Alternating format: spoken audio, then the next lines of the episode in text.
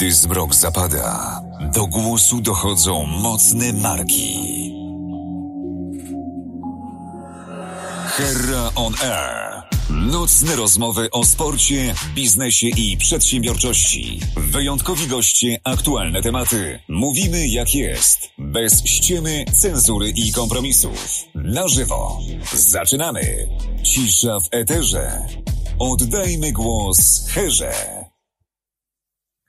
Dobry wieczór, witam bardzo serdecznie. Ja nazywam się Wojciech Hera i zgodnie z zapowiedzią Cisza w Eterze oddajmy głos Herze, a tak naprawdę dzisiaj nie chodzi o rozmowę, czy też o moje wymądrzanie się, tylko o rozmowę z fantastycznymi gośćmi, którymi jest Aga Sołtysiak.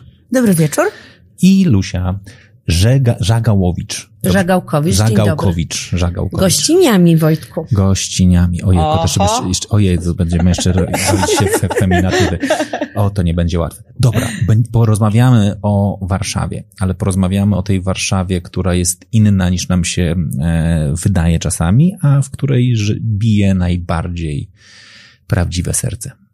Serce miasta. Czym jest serce miasta? Serce miasta. Hmm, to jest takie nieślubne dziecko projektu Najpierw Mieszkanie. Ja jestem pracownikiem e, funduszu, Fundacja Fundusz Współpracy, który podjął się e, w listopadzie zeszłego roku projektu walki z bezdomnością na sposób fiński. Nie wiem, czy wiesz, ale Finowie pozbyli się bezdomno... Fińczycy. Fińczycy. Dzięki. I Fińczynki. Nie no, naprawdę Fińczycy? Nie wierzę. Pozbyli ja... się... A to jest Luszka. Nie, no dobrze, niech mnie wkręca. Bardzo dobrze będziemy się bawić końcówkami. Dlaczego się bawię końcówkami? Bo jestem e, pracownikiem działu równości e, szans, wiesz, i moja szefowa bardzo okay. sobie ceni. Ale to bardzo szanuję, więc bardzo dziękuję i przepraszam, że w ogóle tak... tak, tak Ale wracając do tematu. Finowie... Mm, zwalczyli bezdomność właśnie metodą najpierw mieszkanie. Zaczęli w 83 roku i dzisiaj już bezdomnych na ulicy nie mają. Bardzo ważne jest to, aby tą metodę spróbować chociaż przenieść do Polski. Jest bardzo trudno. Wiadomo, mieszkań dla ludzi, nawet dla nas, tak, dla młodych warszawiaków czy Polaków nie ma, ale jakby ta metoda mówi o tym, że zaczynasz cały jakby proces wychodzenia z kryzysu bezdomności z taką osobą, zaczynając od tego, że ona ma dom. I dopiero wtedy jakby wchodzisz i zaczynasz z, e, ją terapeutyzować, wyciągać z nałogów, ale dopiero w momencie, kiedy ona spokojnie może spać w domu. Serce miasta jest właśnie tym nieślubnym dzieckiem tego projektu. E, na początku miał być to magazyn, który miał wspomagać te osoby na mieszkaniach, zbierać lodówki e, czy kuchenki, szafki, no bo wiadomo, że jeżeli mamy ludzi na mieszkaniach, no to też musimy ich jakoś umeblować.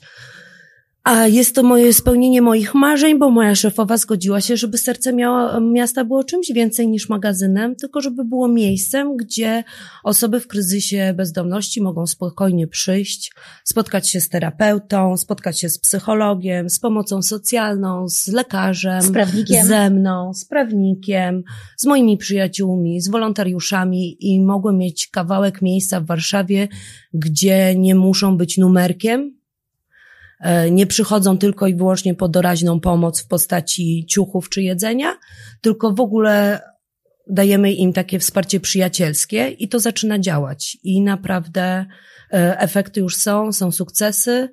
I no, serce miasta to jest takie prawdziwe serce miasta. No, na ciebie mówią aorta. Dlaczego?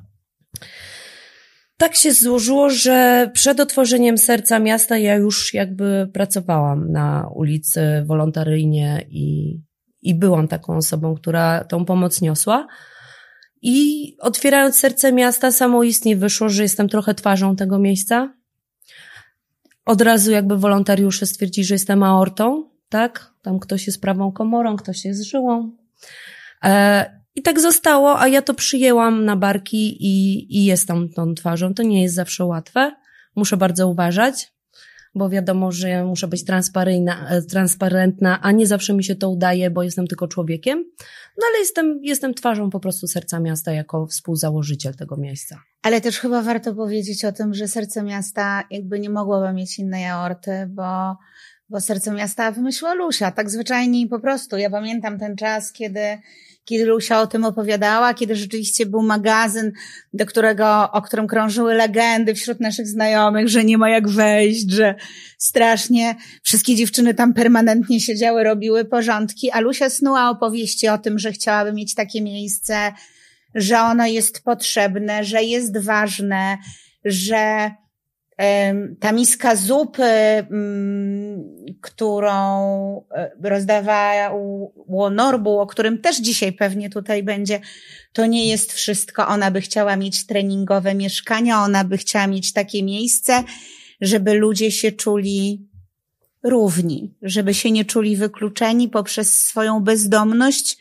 od której, jak mówi się, każdego z nas dzielą trzy raty niespłaconego kredytu.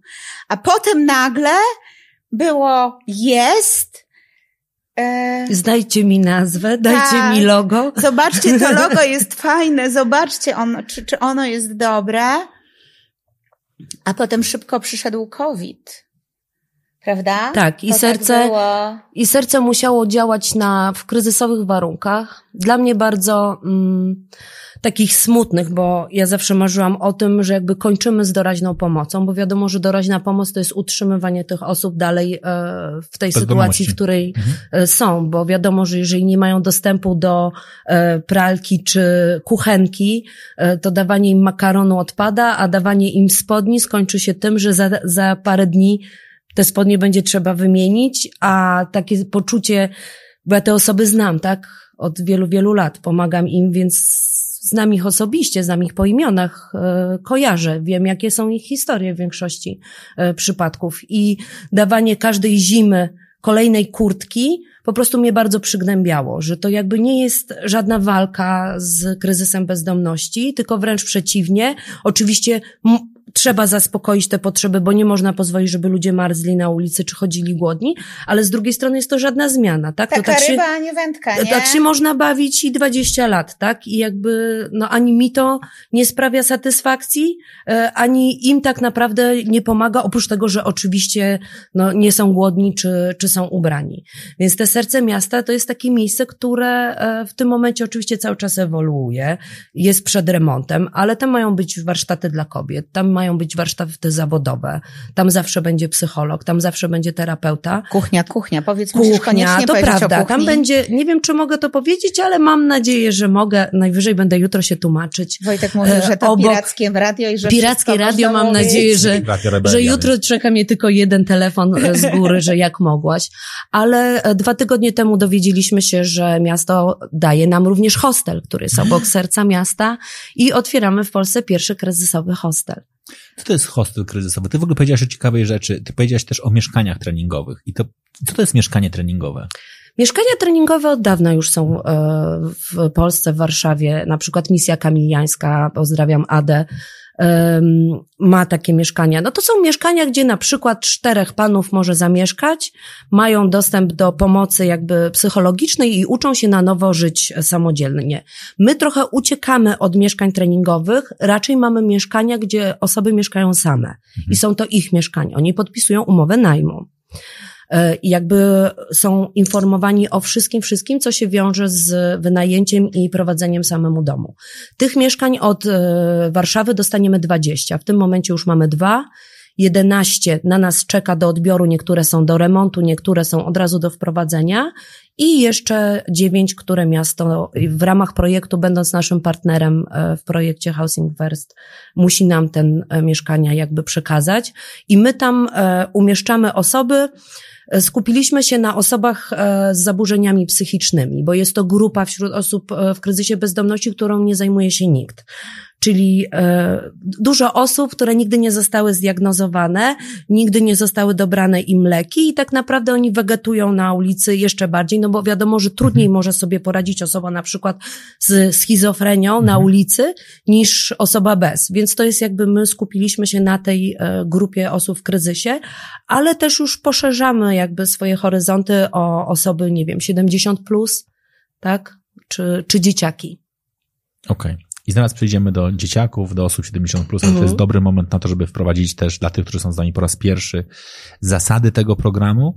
Jedną z najważniejszych zasad tego programu jest to, że jeżeli jesteście z nami na żywo, to możecie go współtworzyć, czyli wtedy zadajecie pytanie, piszecie po prostu w komentarzu pytanie, ja to pytanie dostaję, wtedy zapala się czerwona lampka, czerwona lampka symbolizuje, że jest pytanie i widzę, czytam, wy odpowiadacie na to pytanie tak długo, aż będzie dobra odpowiedź lub też satysfakcjonująco dobra i wtedy, i wtedy zobaczcie, lampka zgaśnie, w związku z czym sobie spokojnie poradzimy. Ja was bardzo zachęcam do tego, żebyście faktycznie byli tutaj razem z nami, żebyście współtworzyli tę, e, tę audycję. Natomiast, no właśnie, to ja bym chciał najpierw w ogóle wrócić trochę do skali. Jak duży jest problem bezdomności w Polsce?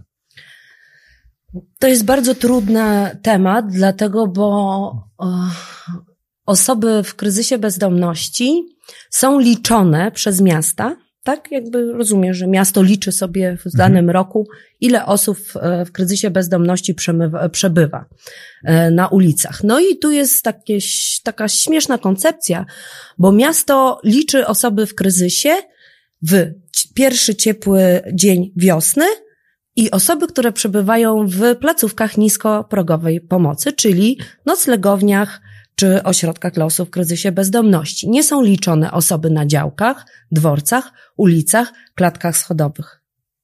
Czyli tam, gdzie naj, najwięcej ich jest. No tak. Czyli nie w zimę, no. tylko na przykład e, w 24 kwietnia, dzwoniąc do schroniska i pytając, a ile dzisiaj jest u was osób? A u nas dzisiaj jest 24.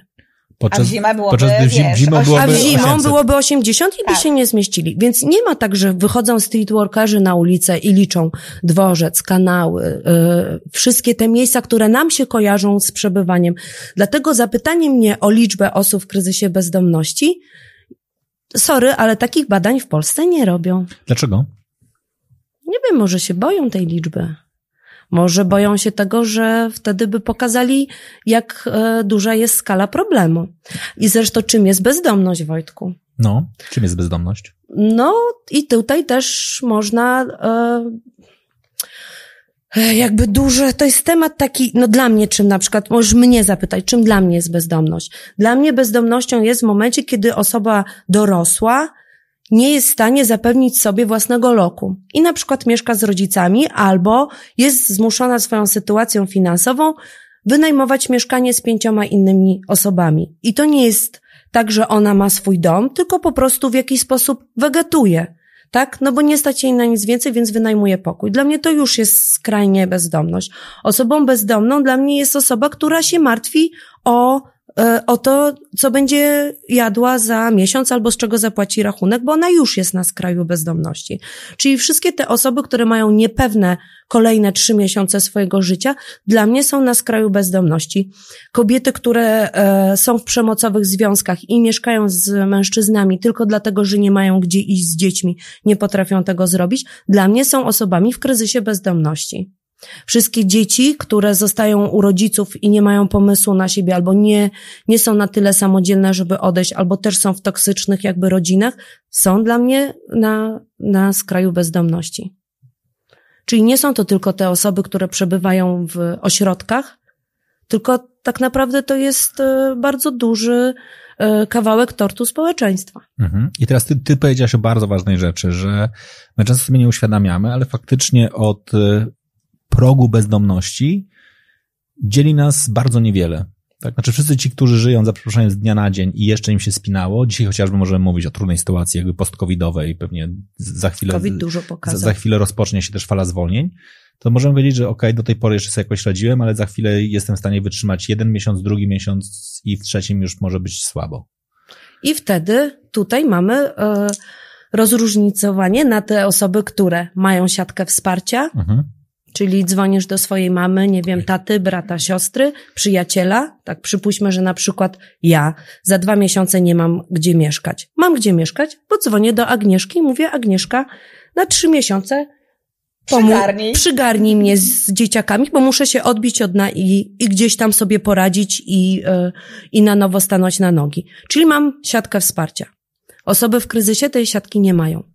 Okej, okay, ale dobra, to, to jest kilka ważnych punktów. W którym momencie te osoby najczęściej tracą siatkę? Znaczy, w którym momencie jakby faktycznie zaczynają się odcinać od osób, czy też są odcinane, wycinane, wiesz, zapominane? Bo to jest taki moment, w którym no, nikt nie rodzi się sam, tak? Znaczy, dobra, jest kilka osób, które jakby od samego początku mają problem jakby samotności. Często jest tak, jakby... tak, że bezdomność zaczyna się w domu, w domu.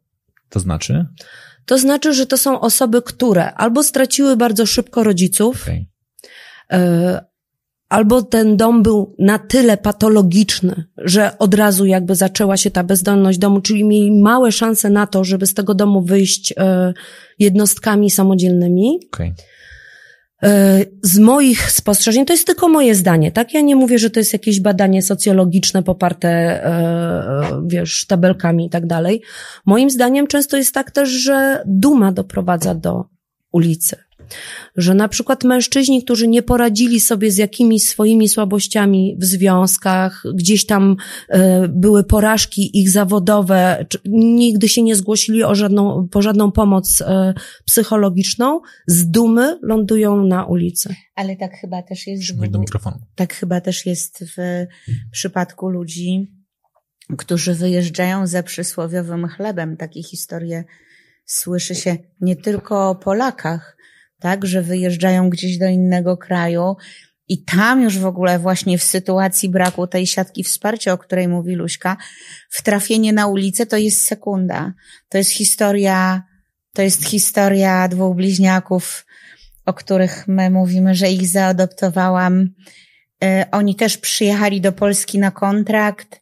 Kontrakt się skończył dostali jakąś kolejną pracę, tam ktoś im nie zapłacił, nie mieli za co zapłacić za mieszkanie, musieli się wyprowadzić, trafili na dworzec, zostali pobici, okradzeni. I przyszli e, do serca miasta. I ktoś na szczęście, ponieważ mówiłyśmy wcześniej, że to dość krótko trwa, bo, bo ja przynajmniej mam w głowie naprawdę niedługi okres przed COVID-em, kiedy, kiedy serce miasta już zabiło tak na legalu ale ktoś im powiedział.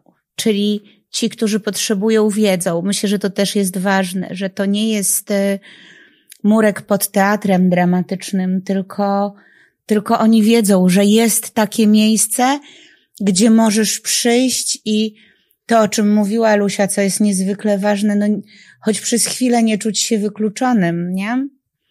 Masz, masz imię, masz nazwisko. Tutaj Agnieszka poruszyła bardzo ważną kwestię, o której nie powiedzieliśmy wcześniej, co może jeszcze sprawić, że lądujesz na ulicy. Umowa na czarno. Tak? Okay. Jest pełno ludzi, którzy pracują na czarno. A to jest znowu to, że jesteś znowu na granicy, czyli ktoś ci nie zapłaci, ktoś cię oszuka, nie wiem, będziesz miał wypadek w pracy, ile mieliśmy z takich zdarzeń, że pracodawca wywoził pracownika po wypadku do lasu. Mhm już jesteś, no to jest całe spektrum jakby socjologiczno-politycznych rozwiązań po prostu i, i świata, w którym żyjemy, tak? I... No dobra, ale ty czekaj, ty powiedziałeś o bardzo ważnej rzeczy, o jakby socjologiczno-polityczne. Jesteśmy świeżo po wyborach. Czy ogóle... A miało nie być o polityce. Nie, ale czy, nie, to jest, to jest, ale nie, to jest moje pytanie. Czy w ogóle jakby na poziomie jakby politycznym, jakimkolwiek, jest w ogóle gdziekolwiek temat e, bezdomności, czy to jest jakby temat, który w ogóle jakby nie, nie, nie trafia na agendę? No miasto dało mieszkania, ale Nie, trafia, jest... trafia, tylko to cały czas jest jakby mm, niż i to, słuchaj, umówmy się, osoby w kryzysie bezdomności nie głosują. To są osoby bez dowodów osobistych, okay. często, często są z innych miast, z innych okręgów, nie czują się Czasami nawet jako wyborcy. jeszcze z innych krajów. Tak. Z innych krajów. Oni nie, nie czują się jako wyborcy, oni nawet nie czują, że mają prawo wyboru. A no to kto będzie czują, dbał o osoby, tak, które nie, że oni są e, grupą, nie są która... w stanie zagłosować?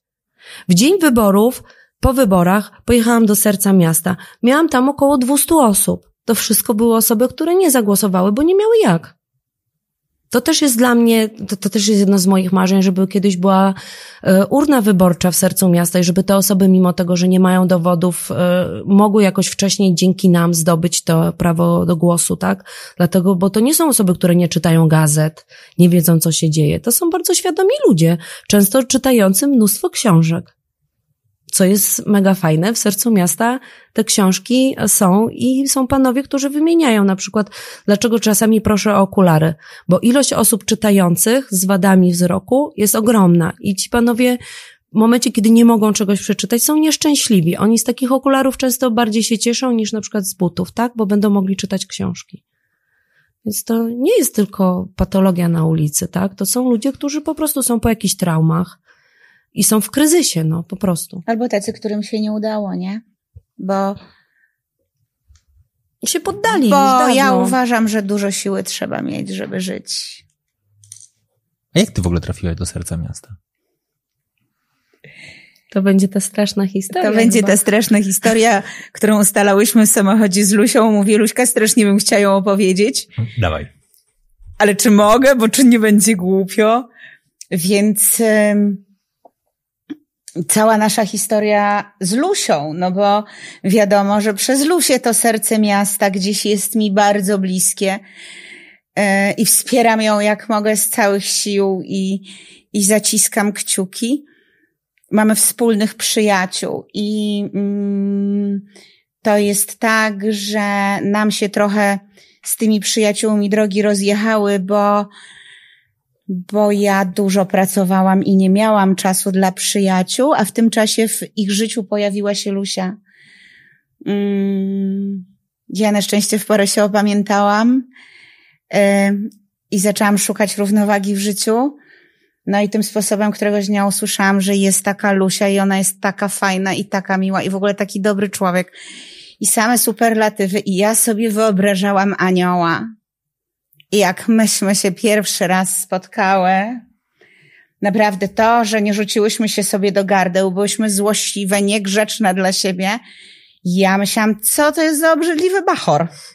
Naprawdę e, docinała mi, e, e, próbowała mnie gasić cały czas, ale być może wtedy, kiedy wybierałam na 100% czasu życie zawodowe, a nie prywatne, odpuściłabym tą historię, ale Opowiadałaś historię, jak rzucały się sobie do gardła, bo myślałaś... nie, nie, jak miałyśmy taką emocję między nami, że jeszcze chwila, abyśmy się O, sobie przy- rzuciły. Przepraszam. Nie doszło między nami nigdy do rękoczynów. No nic, no ja jakby czułam, że serce mi podpowiadało, że, e, że tam coś jest, e, co warto podrążyć. No i rzeczywiście, jak to się śmiałyśmy, okazało się, że Lusia jest ogrem, a ogry jak cebule mają, cebule mają warstwy i rzeczywiście warto obierać, żeby dojść do środka. Jest dla mnie emocjonalnie siostrą. Naprawdę rozmawiałyśmy zresztą o tym. Mój syn wielbi Lusię, jest dla niego autorytetem. Mm, To jest taki dosyć trudny temat, bo wszystkim się wydaje, że osoby, które pomagają, tak, które jakbyś spojrzał na moje dni codzienne, no to w ogóle chodzący anioł. Tylko, że właśnie kojarzenie osób pomagających z aniołami i z osobami, które są super sympatyczne i kochane, moim zdaniem jest błędnym podejściem, bo nie da się pomagać bez twardego tyłka, bez bardzo twardego charakteru. E, Ilość historii traumatycznych, które ja słyszę na co dzień, naprawdę ciężkich, takich, gdzie później ja sama muszę wygadać się na superwizji e, psychologowi czy gdziekolwiek, bo to nie jest do uniesienia dla normalnego człowieka. Ja nie jestem w stanie być zawsze miłą osobą, tak? I często jest tak, że osoby, które mnie spotykają po raz pierwszy, mają takie wrażenie, że ja jestem właśnie tą okropną babą. Taką, Jezu, jak to możliwe, że Ale ta musisz Wojtek jest... przyjechać do serca miasta we wtorek albo czwartek najlepiej, bo to są takie dni, kiedy są wydawane rzeczy z magazynu i zobaczysz, no Lusia tam jest naprawdę, nie dość, że jest królową, ale królową w takim kontekście, wiesz, ci ludzie, którzy przychodzą, oni, tam naprawdę jest szacunek ulicy dla Lucilli Mamity. Naprawdę. A ona chodzi, rozstawia ich po kątach. Oni stają na baczność. W momencie, kiedy był COVID i tam końcówka już była, czyli już mogli zacząć przychodzić, to, to było takie ciśnienie, żeby żadnych y, sanitarnych obostrzeń nie łamać, że panowie bezdomni, którzy stali w kolejce, y, sprzątali ulicę. Żeby było czysto. Żeby było czysto. Żeby było czysto, żeby nikt się nie Wiesz, przyczepił. i to wszystko tak? Lusia, to... I to jest tak, że ja jakbym, jeśli ja nie zrobię właśnie z siebie takiego trochę komendanta, tak? Tak, że ktoś, że oni mają do mnie respekt. To się wiąże z tym, że nie mogę iść kobieco ubrana. Wiadomo, mam do czynienia z bardzo dużą ilością mężczyzn. Nie mogę sobie pozwolić na to, żeby oni sobie jakieś przytyczki czy żarty w moją stronę e, kierowali. No to musi być taki kontakt bardziej e, typu terapeuta, e, osoba w kryzysie, która przychodzi po pomoc gdyby nie to, to niby, no, no, to, to nie byłaby pomoc, no po prostu tego się nie da zrobić inaczej. Dlatego wszystkich tych, którzy mnie spotkają pierwszy raz i będzie im się wydawało, że jestem bardzo mocnym człowiekiem i niefajnym albo aroganckim, to mam nadzieję, że poświęcą tyle czasu, co Agnieszka, żeby się do tej warstwy dokopać, gdzie, e, do warstwy, która robi to, co ze mną, to, tak, co ja tak, robię Lusia na co dzień, jest tak? jak ogr i cebula, ale warto bardzo. Tak trzeba. Nie da się inaczej. Kremówka też ma warstwy. Ja chciałem tylko przypomnieć. Z tą cebulą jakoś lepiej pasowało do sytuacji. No, no ale dobra, ty, ty, ty, ty powiedziałaś o bardzo ważnej rzeczy, a mianowicie o wydawcę. I ja dzisiaj widziałem twój post, który totalnie mnie zszokował. Znaczy, że powiedziałaś, że jutro jest wydawka i potrzebujesz płyny na komary, czy też jakby ten. I to jest taki moment, kiedy ja sobie pomyślałem, ty czekaj, ty jesteś w stanie sobie wyobrazić, że ludzie w kryzysie bezdomności, to w ogóle ładnie to w ogóle to nazywacie, potrzebują wielu rzeczy, ale na płyn na komary to bym w życiu nie wpadł. Jakie są dokładnie, jakby z waszej perspektywy, po pierwsze, jakby najczęstsze potrzeby, po drugie, na czym polega wydawka, bo to jest też jakby w ogóle ciekawa, e, ciekawy moment i w ogóle, jak, jakie jakby wsparcia, jakiego wsparcia wam można udzielić, żebyście wy mogli pomagać dalej?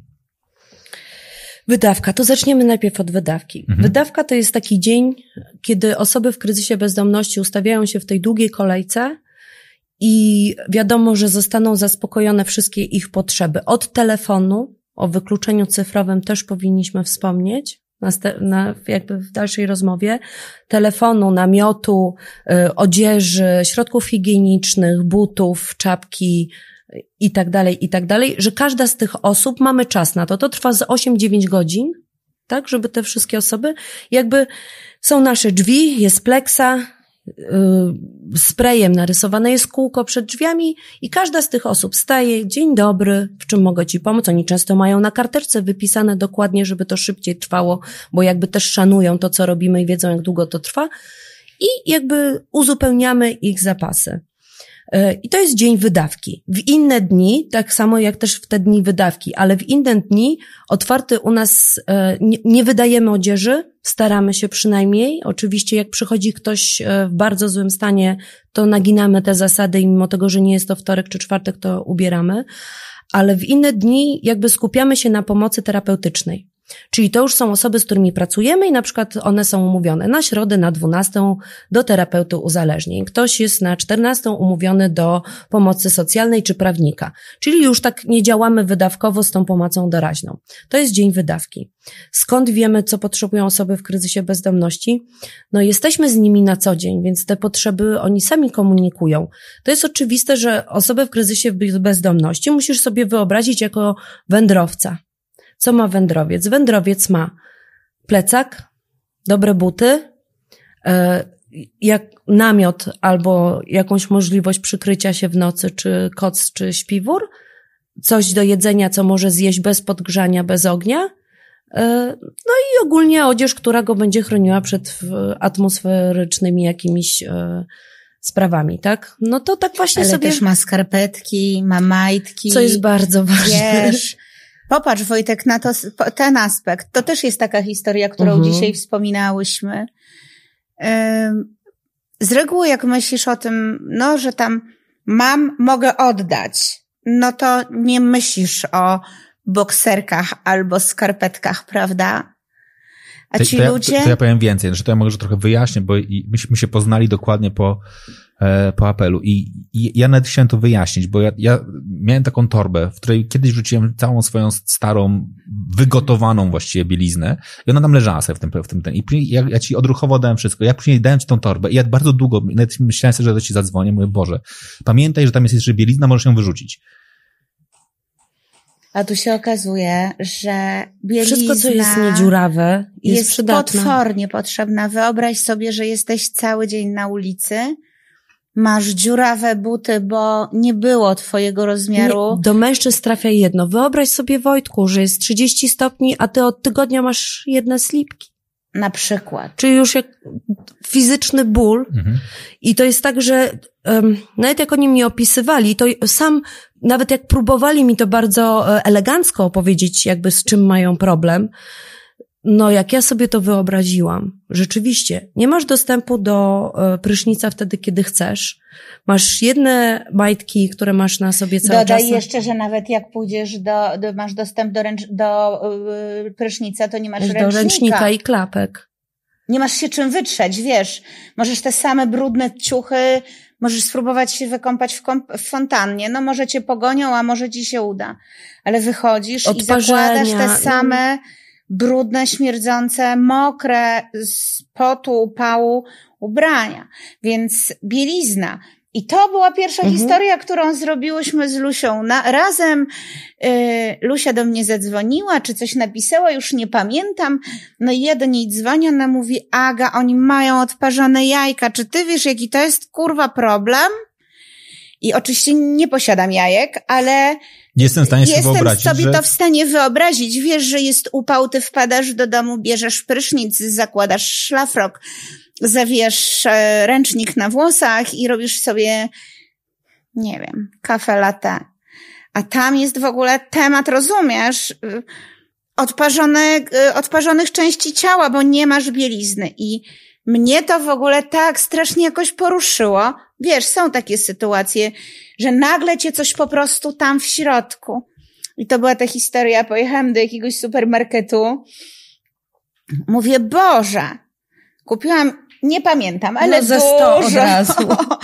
tych majtek, e, bokserek i skarpetek.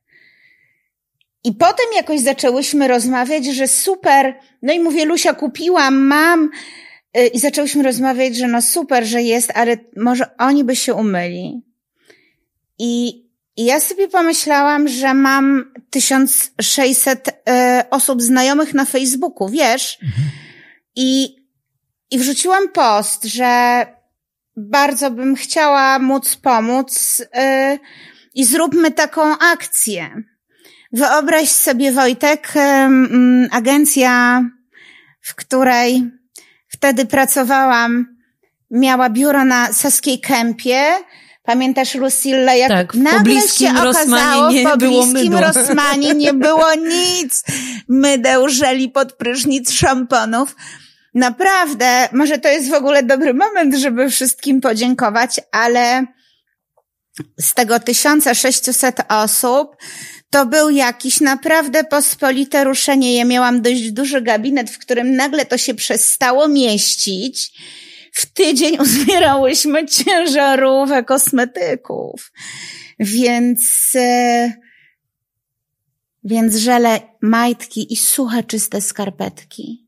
Wcale nie trzeba ich wyrzucać.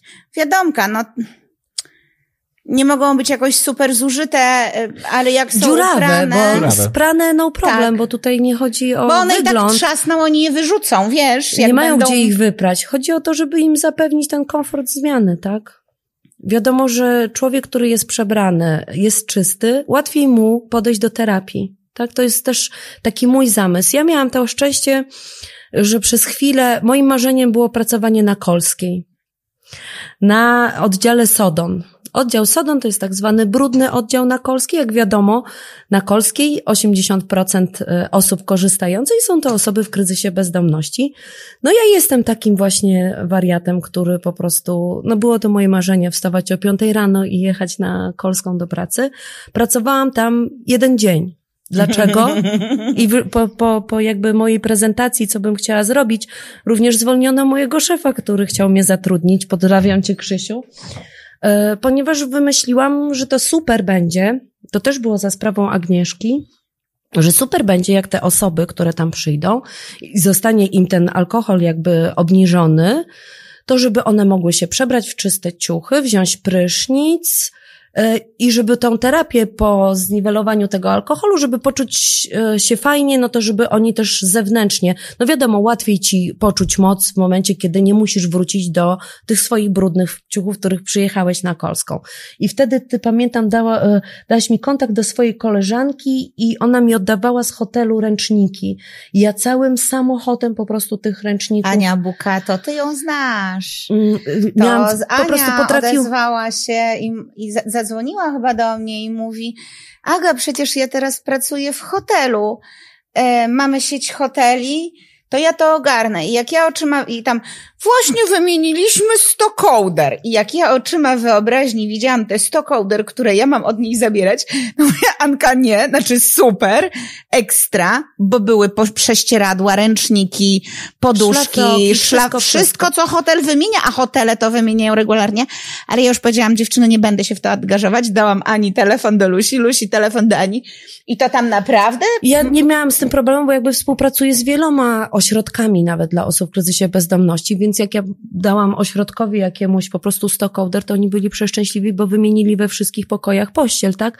Więc ja umiem tak, dla mnie nigdy nie jest za dużo, tak? I bardzo lubię zasobami jakby e, prosperować, ale mm, do czego zmierzałam? A, no i jakby Kolska, jak usłyszeli, co chce robić, czyli chce, żeby pan wziął prysznic, wytarł się czystym ręcznikiem, przebrał się w nową e, odzież, no to stwierdzi, że za dużo zmian. I że Koska I w sumie działa od tylu lat nad, tak, jak działa i, i chyba to jest wystarczające. A pracują tam cudowni terapeuci. Naprawdę. Osoby, które mogłyby pracować w prywatnych jakichś e, gabinetach i zarabiać e, kupę hajsu, nie? Ale są osobami z misją. No niestety góra mam i tak już nigdy nie będę na Kolskiej pracować. E, góra niestety jest e, bardzo ze starego systemu naszego politycznego i dla nich jakiekolwiek zmiany i traktowanie ludzi jak ludzi jest ponad ich możliwości świadomości. Okej, okay, dobra. I, I to jest moim zdaniem, znaczy, bo ja nie wiem, czy wy w ogóle macie świadomość tego, o czym wy mówicie. E, bo ja myślę sobie, że ja za, zawsze mówię to sprzedażowo, tak? Znaczy nie sprzedawaj, naucz klientów kupować, e, na, naucz ludzi pomagać. Znaczy ja uważam, że większość z nas nie pomaga, bo nie ma bladego pojęcia jak. Tak, znaczy, ale to jest prawda. Tak. Znaczy jak ja przeczytałem wasz post, zresztą też jeden ostatni, w którym było napisane plecaki, tak? Sobie pomyślałem, Jezus, jak to, jakie to jest szczęście, że jest miejsce. Mam całą szafę, w którym mam plecaki, zresztą muszę wam je dostarczyć, tylko dzisiaj rano, dzisiaj, dzisiaj rano wróciłem z półwyspu, więc jeszcze nie zdążyłem, w którym mam był taki moment, że ja dużo startowałem w biegach ulicznych i różnych imprezach. I zawsze ci smutni organizatorzy, pozdrawiam was serdecznie, dają mi pakiety startowe w tych plecakach. Taki... Wiem, bo ja zbierałam te pakiety startowe po każdym biegu. Jeździłam samochodem, Dokładnie. zbierałam te folie, bo wyobraź sobie, każdy biegacz dostaje Fo folia Folia termiczna jeszcze. Dokładnie. A ja zbierałam te folie. Po folię możesz się zawiązać siedząc na ulicy na nocą. Ulicy.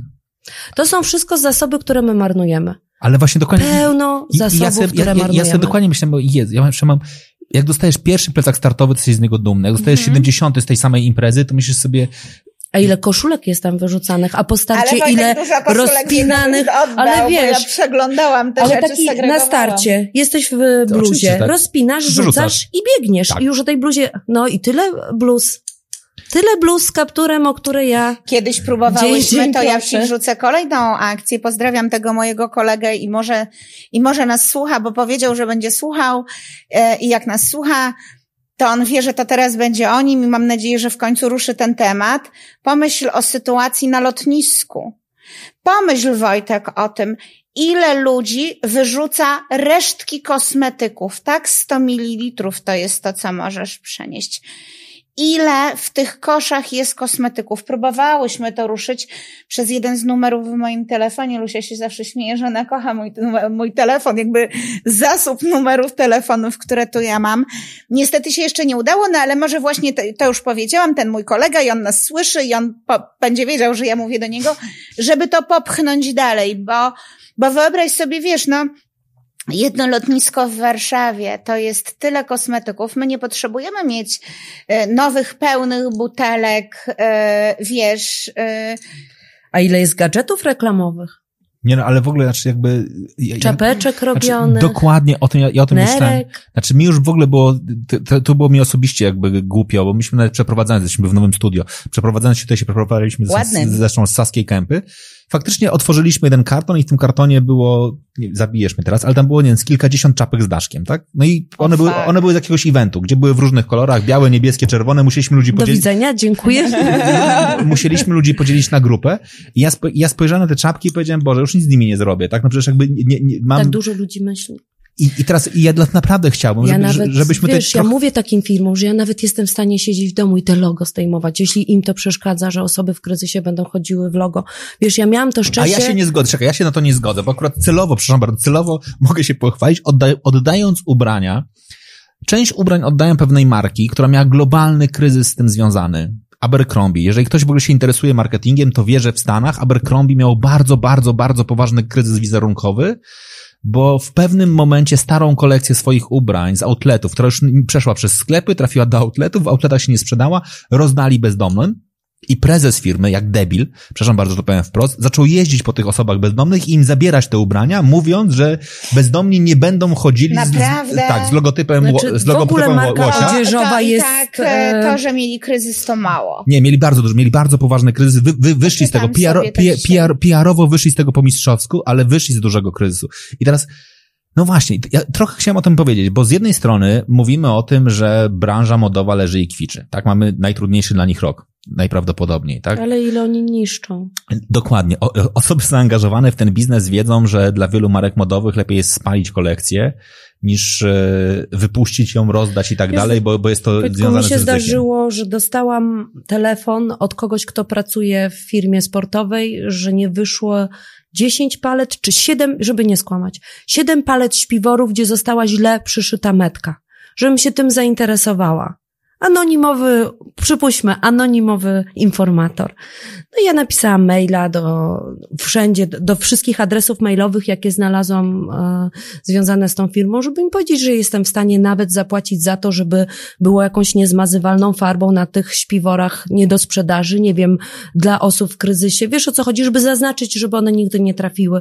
Nie, woleli je e, spalić. spalić. A było przed zimą. Zawsze zima, ja powtarzam, ja zima uczy co to jest praca, y, czym jest praca i pomocowa na ulicy? Zima, nie lato. Oprócz, powtrącę się muszę, bo, bo y, ja nie mam wiele wspólnego z branżą modową, oprócz tego, że był taki czas, że robiłam, produkowałam pokazy mody, ale yy, i też nie wiem, jakie są regulacje z tym związane, ale przypomnę Wam, że z jedzeniem jest tak, że podatkowo bardziej opłaca się je wyrzucić, niż przekazać organizacji pomocowej. Dlatego was zastopowałam, że być może z tymi regulacjami innymi rzeczami, czyli ubraniami czy śpiworami, jest tak samo, bo ale, tak jest. Ale ja myślę że to, co ty powiedziałaś, jest e, E, super fajne. Znowu myślę trochę o, o torbie, która do ciebie zlądowała.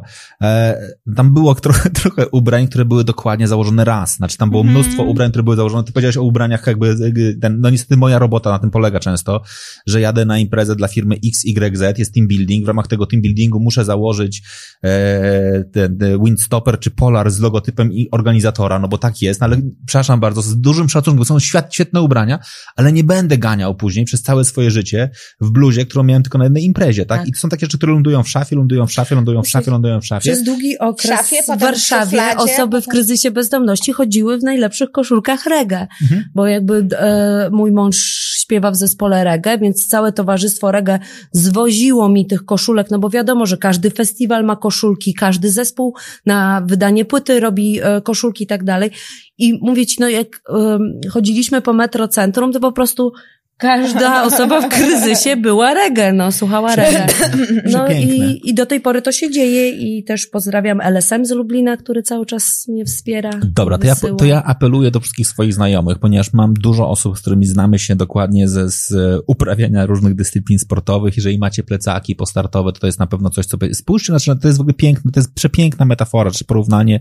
Spójrzmy z perspektywy wędrowca Plecak jest pierwszym fundamentalnym elementem, który musisz mieć, bo w coś ten tobołek musisz e, zawinąć. Poza tym, jeżeli macie, to jest w ogóle świetny moment, może teraz jest dobra, są bardzo duże przyceny w sklepach, może myślicie na przykład o tym, żeby wymienić swoją garderobę, to wypierzcie stare rzeczy, ładnie spakujcie, przynieście. 11 listopada 22, bo to jeszcze dzisiaj nie padło.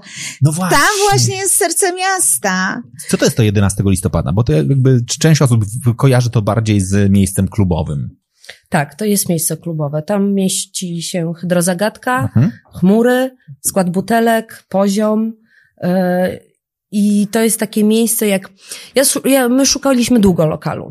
Oglądałam na woli yy, lokale, żaden jakby nie pasował do końca. Jak zobaczyłam, że jest konkurs na 11 listopada 22, nawet nie patrzyłam, jaki to jest lokal, tylko od razu przystąpiłam do konkursu i chciałam od miasta yy, dostać ten lokal. Miasto mnie uprzedzało, że jest tam bardzo głośno i czy mi nie będzie przeszkadzało, że jest tam bardzo głośno. E, mi, nie, mi to nie przeszkadza, wręcz przeciwnie, wiesz, e, to jest super, bo ludzie znają te miejsce, e, klienci przynoszą do chmur Mhm. Tak, są edukowani. To jest fajne, bo możesz na imprezach edukować osoby e, o tym, czym jest kryzys bezdomności. I to są knajpy, pozdra pozdrawiam Witolda Grzybowskiego, właściciela, współwłaściciela tych miejsc.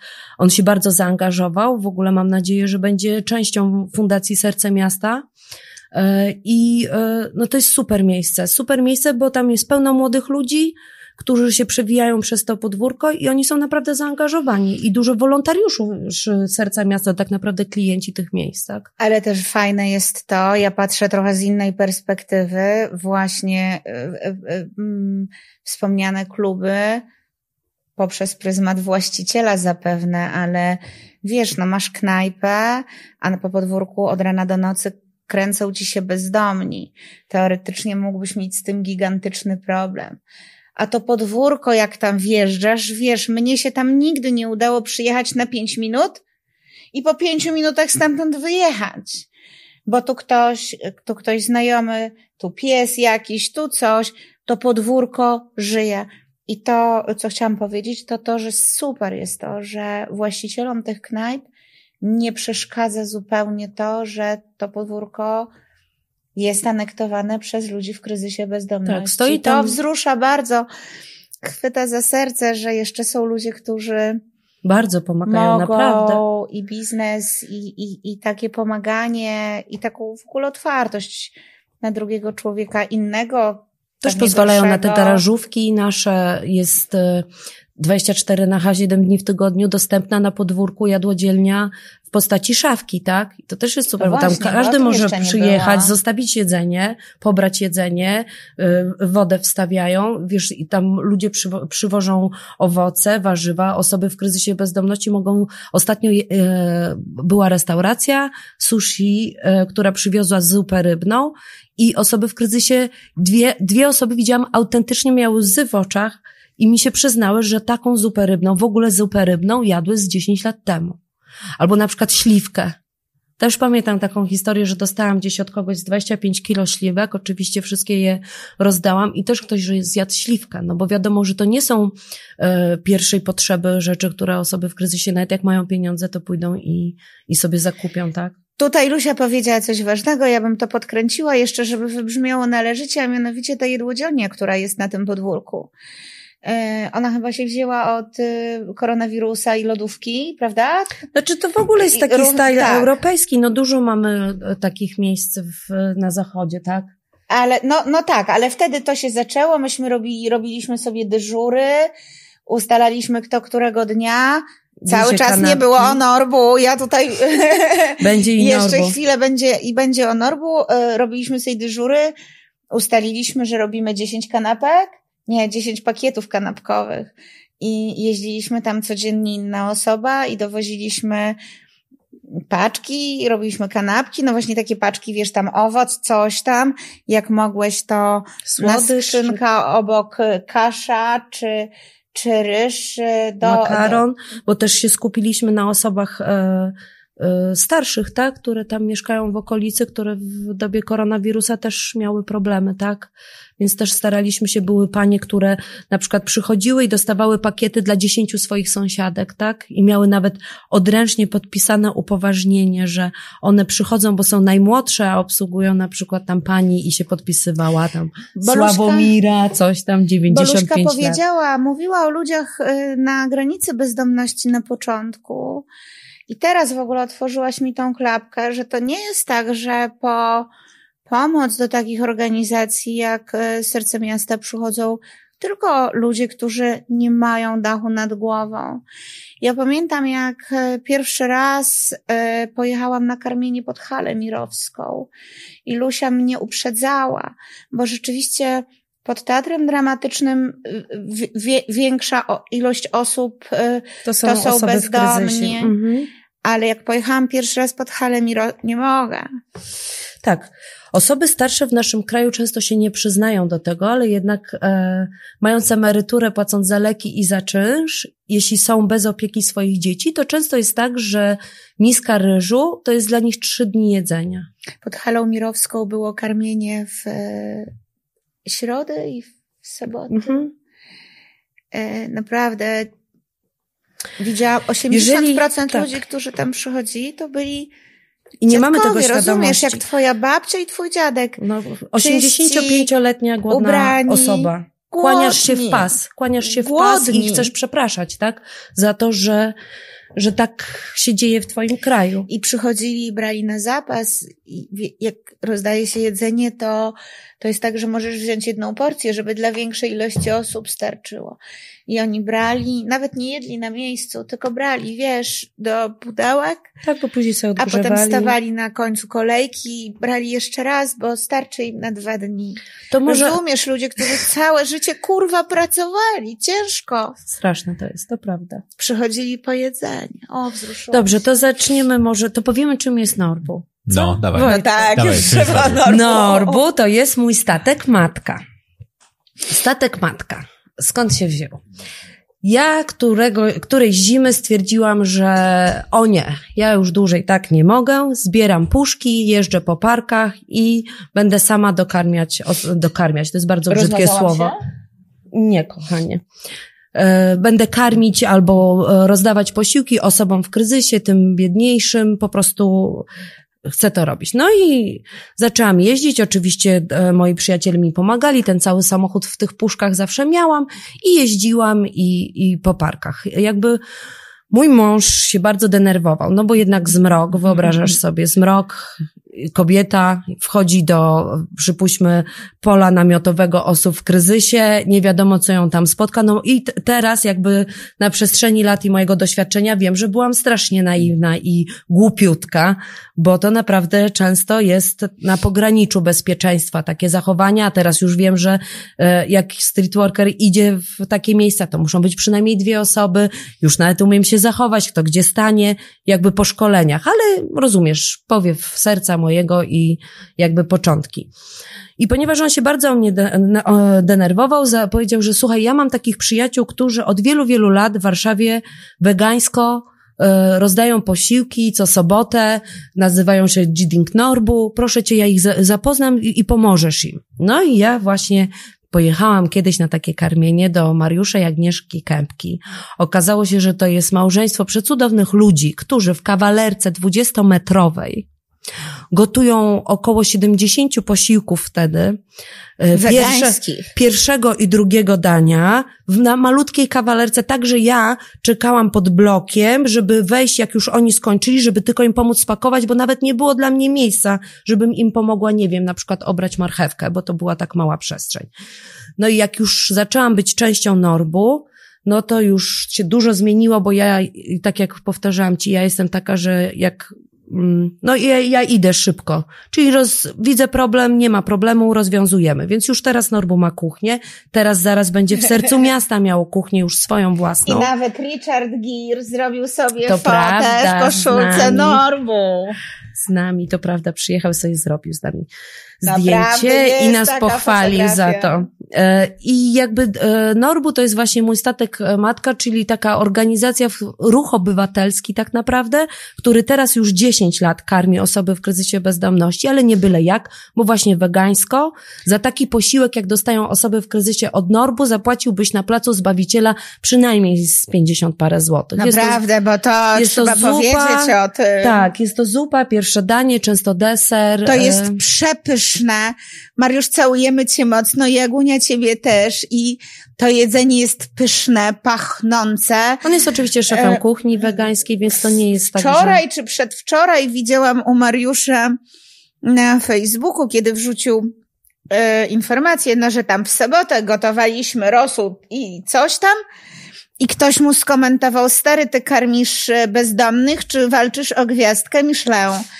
Bo to jedzenie rzeczywiście tak. przepięknie wygląda, wiesz, one ja jest nigdy super takich wegańskie. rzeczy nie jadłam jak, e, jak w Norbu, to prawda. No, pamiętasz jak y, obżerałyśmy się nuggetsami z y, Tak, udawanego kurczaka, kurczaka tak, przepycha. Y, więc to nie jest, wiecie, no to nie jest jakieś takie słabe jedzenie, Albo to jest naprawdę por. pyszne. Mm.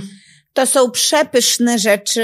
Mm, i teraz jest ten moment, bo już o apel o ciuchy było, o kosmetyki było, to teraz e, o półprodukty możemy się do kogoś uśmiechnąć, jeżeli. No na szczęście się odzywają hurtownie warzyw i owoców, które już nas znają i no Norbu bardzo wystrzeliła. Się bardzo cieszę, bo ci ludzie z tej małej kuchni przenieśli się do, um, do dużej kuchni.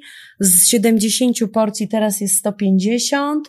I A jakby wszyscy zaraz będą w sercu miasta i mam nadzieję, że właśnie w tym hostelu na dole, gdzie będzie otwarta kuchnia, bo bardzo mi na niej zależy, będzie, gdy będą te posiłki już wydawane z pięć razy w tygodniu, a nie raz, tak? Bo to jest mega ważne. Żeby, Ale szczypiorek, żeby... sałatę, rzodkiewki, ogórki, no to, co jest w gospodarstwach. Tak, to są rzeczy, które... Co na przykład na targu się nie sprzeda i, i, i, i, i ktoś wpada na pomysł, że nie wiem, nie opłaca mu się tego gdzieś wieść, to, to pewnie Wojtek potem wszystkim będzie pisał, jak się skontaktować z sercem, z Lusią, z Norbu i w ogóle ze wszystkimi, bo takie rzeczy też e, z przyjemnością przyjmiemy. Mm, Norbu umie wyczarować przepyszne jedzenie ze wszystkiego. Ostatnio było poszukiwanie samochodu do transportu 100 kg sałaty. Pojechał bo ktoś je, z serca. Tak, mhm. y, bo ktoś y, podarował, ale trzeba było tą sałatę odebrać i jeszcze znaleźć przestrzeń, gdzie przechowasz 100 kg sałaty, co wcale nie jest taką sałata szybko się psuje, więc to jest taki... Ale daliśmy Więc radę. jak już dzisiaj tu przyszłyśmy na proszenie, to takie rzeczy też... Y... A, ja, a moim zdaniem to naprawdę nie jest proszenie. Znaczy, bo moim zdaniem, czy i teraz jakby ja żeby, żeby była jasność, ja dopiero jak przeczytałem wczorajszy post, w którym dokładnie jakby wylistowaliście, czy też było wylistowane, co jest potrzebne, sobie uświadomiłem dokładnie to, co ty powiedziałaś, tak? Znaczy, jak ty mówisz o, e, jak ja przeglądam swoją szafę, a czasem ją przeglądam, oprócz tego, że jakby, ja, ja w ogóle, żeby była jasność, ja nie umiem sprzedawać na OLX. Jestem po prostu absolutnie mam dwie lewe ręce. Boże, ja nie umiem odsyłać rzeczy, które zamówiłam i mi nie pasują. Takich rzeczy też trochę mam nowych, które też jakby ten. Po drugie, ja akurat jestem tym, który, no niestety można wstyd się przyznać, ale no jestem wychowany jakby w erze konsumpcjonizmu i żeby, żebym mógł kupić sobie nową, fajną koszulkę, mam od jakiegoś czasu problem, że najpierw muszę się pozbyć starej. Tak? I to jest absolutnie jakby... Super zasada. To, to, to jest jakby dla mnie ważne, tak? I do tej pory miałem taką zasadę, że pozbywałem się ich pakując je do torby, mówiąc kiedyś oddam i, ty, i wtedy pojawiłaś się ty i powiedziałaś wow, po, po dłuższym czasie leżą, le, le, jak te ubrania leżały sobie w garażu, pomyślałem sobie wow, mam dwie torby.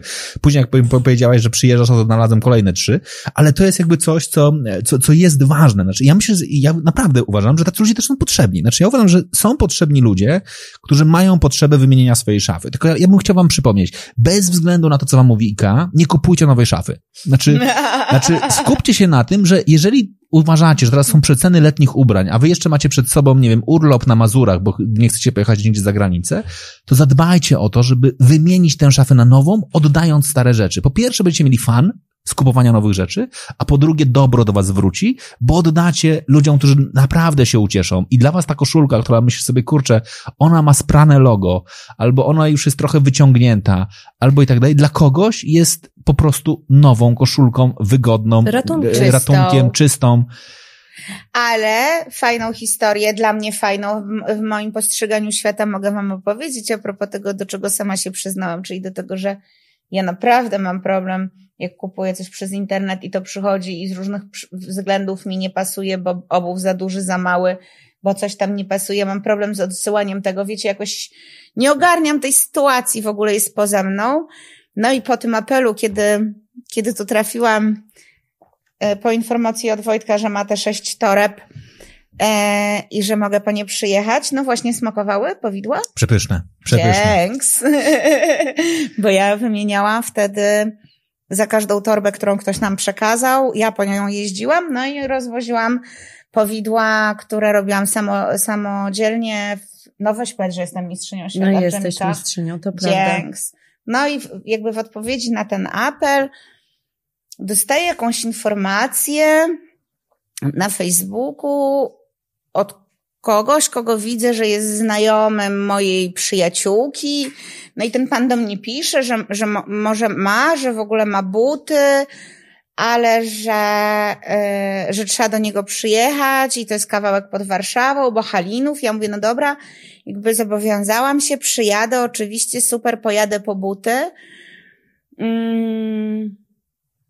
I nie dość, że się okazało, że dostałam kilkanaście par nowych butów, bo on miał dokładnie ten sam problem i po prostu zbierał, bo już się ten termin skończył, już nie wiesz, co z tym zrobić, wiesz, nowe buty, coś, no to on gdzieś tam odkładał. To po drugie okazało się, że jest to znany nam wszystkim muzyk Krzysztof. Pozdrawiam, jeśli nas słuchasz i bardzo dziękuję. Piękne. Więc, e, nie, mia nie mając świadomości pojechałam po buty, a tu się okazało, że... Tak, czyli wiemy już, marnotrawstwo zasobów to nie my. Nie, ale to znaczy, ale i żeby, żeby była jasność, ja naprawdę jakby, ja bardzo mocno wierzę w Second Life. Znaczy naprawdę wierzę, że wszystko, co u ciebie się wydaje już zbędne, niepotrzebne, może mieć zastosowanie. Może mieć kompletnie nowe zastosowanie. I ty powiedziałaś o ważnej rzeczy, o wykluczeniu cyfrowym. Mhm. Co to jest wykluczenie cyfrowe? Słuchaj, miałam taką sytuację, że udało mi się z Good Looking Studio podjąć współpracę i zrobić największy mural w Polsce z plastikowych butelek, pracując przez trzy tygodnie z, kilkona, z kilkunastoma osobami właśnie w kryzysie bezdomności. I my... on był w, na domach centrum. Nie, on był Nie, na braciach... Na domu braci Jabłkowskich. Na tej wielkiej ścianie, którą mhm. widać z przelotu Kruczej. Mhm. I jakby e, w trakcie tej pracy, to była taka pierwsza moja e, praca e, z osobami w kryzysie, kiedy mogłam się bardziej przyjrzeć, co jest, jakie są problemy, tak? To wiesz, byłam po prostu zamknięta w wielkiej hali po kilkanaście godzin dziennie z osobami i pracowałam z nimi, tak? Tworząc właśnie ten baner z butelek plastikowych. I tam pojawił się na mojej drodze Janek, który, e, którego historia jest długa, nie będę jej opowiadać, ale jakby Janek od wielu lat pracował w Niemczech w stadninach e, z końmi. I miał już nagraną pracę znowu w Niemczech jakby u mnie zarabiał pieniądze na to, żeby kupić sobie bilet i wyjechać tam z powrotem, bo jakby w Polsce nie widział dla siebie e, żadnej nadziei, a zresztą popadał tutaj w to towarzystwo ulicowe i wiedział, że po prostu to go doprowadzi do alkoholu, a już nie pił tam z piąty tydzień i bardzo mu zależało. I on mi uświadomił, słuchaj, że jak on ma wejść do busa, polski bus, nie masz kas, nie pójdziesz i nie kupisz biletu tylko wszystko kupujesz przez internet. Mało tego, jak wchodzisz do takiego busu, to wyświetlasz znaczek, który pan skanuje. albo coś tam, tak. I wchodzisz, to jest twój bilet. Przecież nie drukujesz biletów. A gdzie byś je wydrukował jako osoba w kryzysie?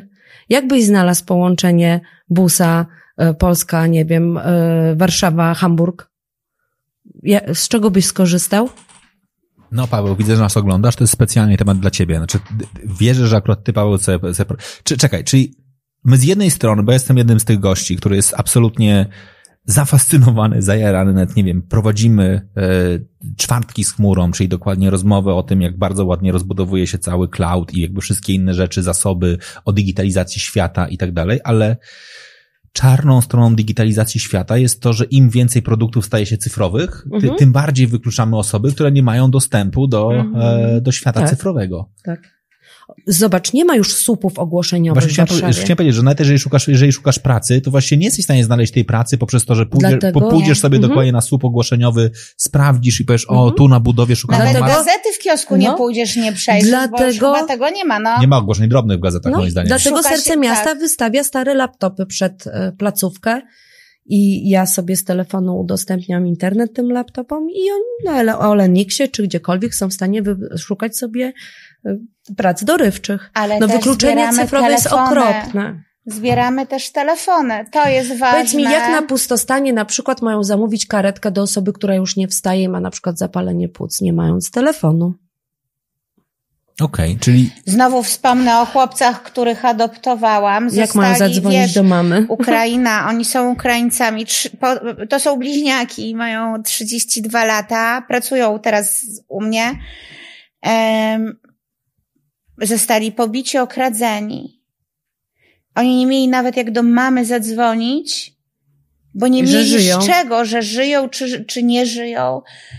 Dopiero jak trafili do serca miasta, dostali telefony i naprawdę pierwszy telefon, który wykonali Też jak- natychmiast, to był telefon Jak spotykam się, jak wy możecie smartfony rozdawać osobom w kryzysie, nierobom i pijakom? No i to jest właśnie taka ciągła walka ze świadomością społeczeństwa, że jak on ma być robem, jeśli nie może znaleźć tej roboty? Bo, jest, Bo nie ma telefonu. jak. No, nie ma dostępu. Zdarzyło mi się nieraz w moim życiu, że osoba, która dostała ode mnie smartfona, znalazła pracę i po miesiącu mi tego smartfona oddała, żeby się, żeby się przydał komuś innemu, bo jego już stać. Na to, żeby kupić sobie w Lombardzie telefon. Zobaczcie, ja teraz czekaj, pomyślałam, ale- że nie ma w ogóle kawiarenek internetowych, a No nie kiedyś ma już. były, nie? nie ma. Znaczy, y, w, ogóle, znaczy, jak sobie o tym myślisz, to jest, a z drugiej strony mamy coraz le, lepiej rozbudowaną jednak infrastrukturę darmowych i darmowego internetu, więc to też nie jest tak, że barierą jest, nie wiem, brak karty, tak? No bo jakby... Tak, Ka- tylko że kartę- kartę, kartę musisz musisz- zarejestrować. Czyli musisz mieć dowód i meldunek. Pidą. A No. tu mamy styczność z osobami, które często nie mają dowodu, czym też się zajmuje serce miasta. E, Żeby zrobić zdjęcie, no to musi mieć dostęp do fryzjera, bo często są, no ale to są tak jakby droga, droga wszystko rozwiązujemy w sercu miasta. Mamy i fryzjera, i darmowe zdjęcie do Widziałem dowodu. film, to w ogóle jest też przepiękne, że do was po prostu można przyjść dokładnie i zadbać o to, Tak, żeby, żeby się po, poczuć lepiej, no tak po prostu Tak. lepiej wy, wyglądać. Będziemy no. mieć manikurzystkę od przyszłego tygodnia. Wow. co jest też super akcją. Ale jakby i doprowadzasz do tego, no możesz tego człowieka poprowadzić za rękę i on w końcu ma ten dowód osobisty, ale no wyobraź sobie, jak ma zarejestrować kartę, jak według ustawy, która weszła, nie wiem, dwa lata temu? Tak. Tak. Widzisz, to są takie problemy, o których my nie, my nie mamy świadomości, bo siedzimy w ciepłych fotelach, no. A jednocześnie nie mamy świadomości, a świadomość tego, że koło nas jest y, inna rzeczywistość, jest również ten, rozwiązuje dużo naszych problemów, bo ja naprawdę dalej będę się upierał i to akurat, przepraszam bardzo, wspomniano, wspomniana IKEA. Ja dawno, dawno, dawno temu robiłem dla IKEA taki projekt, który się nazywał Meblościanka e, i ten projekt dokładnie był o tym. Znaczy, ten był projekt o tym, że jednym z barier ludzi, których stać na zakup nowych mebli jest to, że nie mają co zrobić ze starymi. Mhm. Tak? Koniec. Znaczy, jeżeli, jest, jeżeli jesteś szczęśliwym posiadaczem e, tego e, działki, w sensie ogródków działkowych, to jesteś szczęśliwy, bo ogródki działkowe charakteryzują się tym, że tam wywozisz... Przyjmują przy- przy- wszystkie przyjmują szafy, wszystkie. łóżka, meble, I, wiadomcze. I jak myślisz sobie, potrzebuję wymienić, nie wiem, starą meblościankę na nowe, fajne meble, to wywożę stare do, e, Na działkę. na działkę i one tam się w końcu, Oczywiście. one się tam w końcu zepsują i będzie okej, ale jest mnóstwo ludzi, którzy tak jak ja, ja mam bardzo duży problem z wyrzucaniem rzeczy dobrych. Naprawdę moim największym problemem jakby kupowania nowych rzeczy jest to, że ja się źle czuję z tym, że mam wywalić coś, Mhm. co jest dobre. I to zaczynając od wszystkich rzeczy. Zaczynając, nie wiem, jeżeli chcę sobie kupić, nie wiem, nowy trymer do brody, tak, i sobie myślę, kurczę, będę sobie dbał o swoją brodę, to największy problem jest to, że stoi, na, e, stoi w łazience wieloletnia, ale dalej sprawna i działająca maszynka. Jakby się zepsuła, to było największe szczęście, bo to by, byłby taki moment, kiedy sobie mógł powiedzieć, że mogę. Ale ja uważam, że my powinniśmy żyć po prostu w symbiozie, tak? I jeżeli masz potrzebę kupienia sobie no, nowego smartfona, a nie chce ci się go wystawiać starego na, e, na Allegro, na OLX, Tak, gdziekolwiek, to go wyczyść. to go wyczyść wyczyść, dane. wyczyść dane, posprzątaj i oddaj. I, Na pewno się przyda. I będzie ktoś, kto, kto powie, że to jest w ogóle super fajne i, i, I znajdzie pracę i on dzięki temu znajdzie pracę, on dzięki temu sobie Wynajmie poradzi. sobie hostel, potem może nawet pokój I może się okazać, że ten telefon był początkiem jego drogi do wyjścia z kryzysu bezdomności. To telefon. W ogóle, to w ogóle telefon. ładne. To w ogóle jest ładne, co mówisz, że, że czasami małe rzeczy mają, faktycznie robią dużą różnicę. Znaczy one faktycznie mogą... Wyobraź sobie tak, na przykład, nawet jeśli to, bo oczywiście tutaj już nie, nie weszliśmy na ten temat, bardzo się cieszę na temat używek na ulicy, ale mamy bardzo dużo osób niepijących i nie korzystających w ogóle z używek, będących na ulicy. I teraz, jak, nawet jeśli oni są zdolni do podjęcia pracy, bez możliwości przebrania się od góry do dołu, żeby wyglądali fajnie, po prostu tak, żebyś nie, nawet nie wiedział o tym, że ta osoba jest w kryzysie bezdomności i że z pracy wróci do namiotu. Tak? Gdzie, gdzie ona ma to zrobić? Jak, to jest super, jak do nas przychodzą panowie i mówią, no idę na rozmowę do pracy, boję się. A my co robimy? Obcinamy, stylizacja ubioru, bo oczywiście moje dziewczyny podchodzą do tej, e, do tych spraw bardzo porządnie, więc dobierają wszystko, tak, że pan wygląda zawsze po prostu idealnie jak spod igły. A oprócz tego wkładamy mu do głowy, ile się da przez te godziny spędzenia z nami. Jesteś wartościowy, dasz radę, będziesz mówił to i to, nie bój się i, i to działa, nie? To, to są takie małe rzeczy, tak jak kiedyś Patryk, jeden z moich podopiecznych powiedział, że Jedno z najważniejszych rzeczy, które mu się przytrafiły w sercu miasta, to to, oprócz tego, że nie był numerkiem, to to, że dostał nagle wsparcie przyjacielskie, gdzie nigdzie w żadnym ośrodku go nie dostał, że on nawet tu był przytulany. Wiesz, że to dla niego był taki szok, że wolontariusz może podejść i powiedzieć, co tam Patryk, wiesz, co tam u ciebie kochany, nie? Jak się czujesz? I go dotknąć na przykład. I to już jest taki pokonanie bariery, a to jest taka zwykła sprawa, nie? Rozmowa i, i podtrzymanie po prostu jakiegoś kontaktu cielesnego, nie? Takie małe rzeczy właśnie. No dobra, to to jest coś, co są to kolejne rzeczy, które gdzieś mi e, łamią faktycznie jakby stereotyp e, tego, czym jest pomaganie i że pomaganie to bycie drugim człowiekiem dla, i traktowanie tego człowieka jak człowieka po prostu. No właśnie. Ilu macie wolontariuszy? No myślę, że około dziesiątki w tym momencie. Niedługo będziemy robić nabór, będzie spotkanie. Na tym spotkaniu opowiemy, co można u nas robić, a później y, będziemy podejmowali decyzję, czy przyjmujemy te osoby na stałe, na przykład na umowę wolontaryjną, czy, czy w ogóle chcemy je zatrudnić nawet. A co można u Was robić?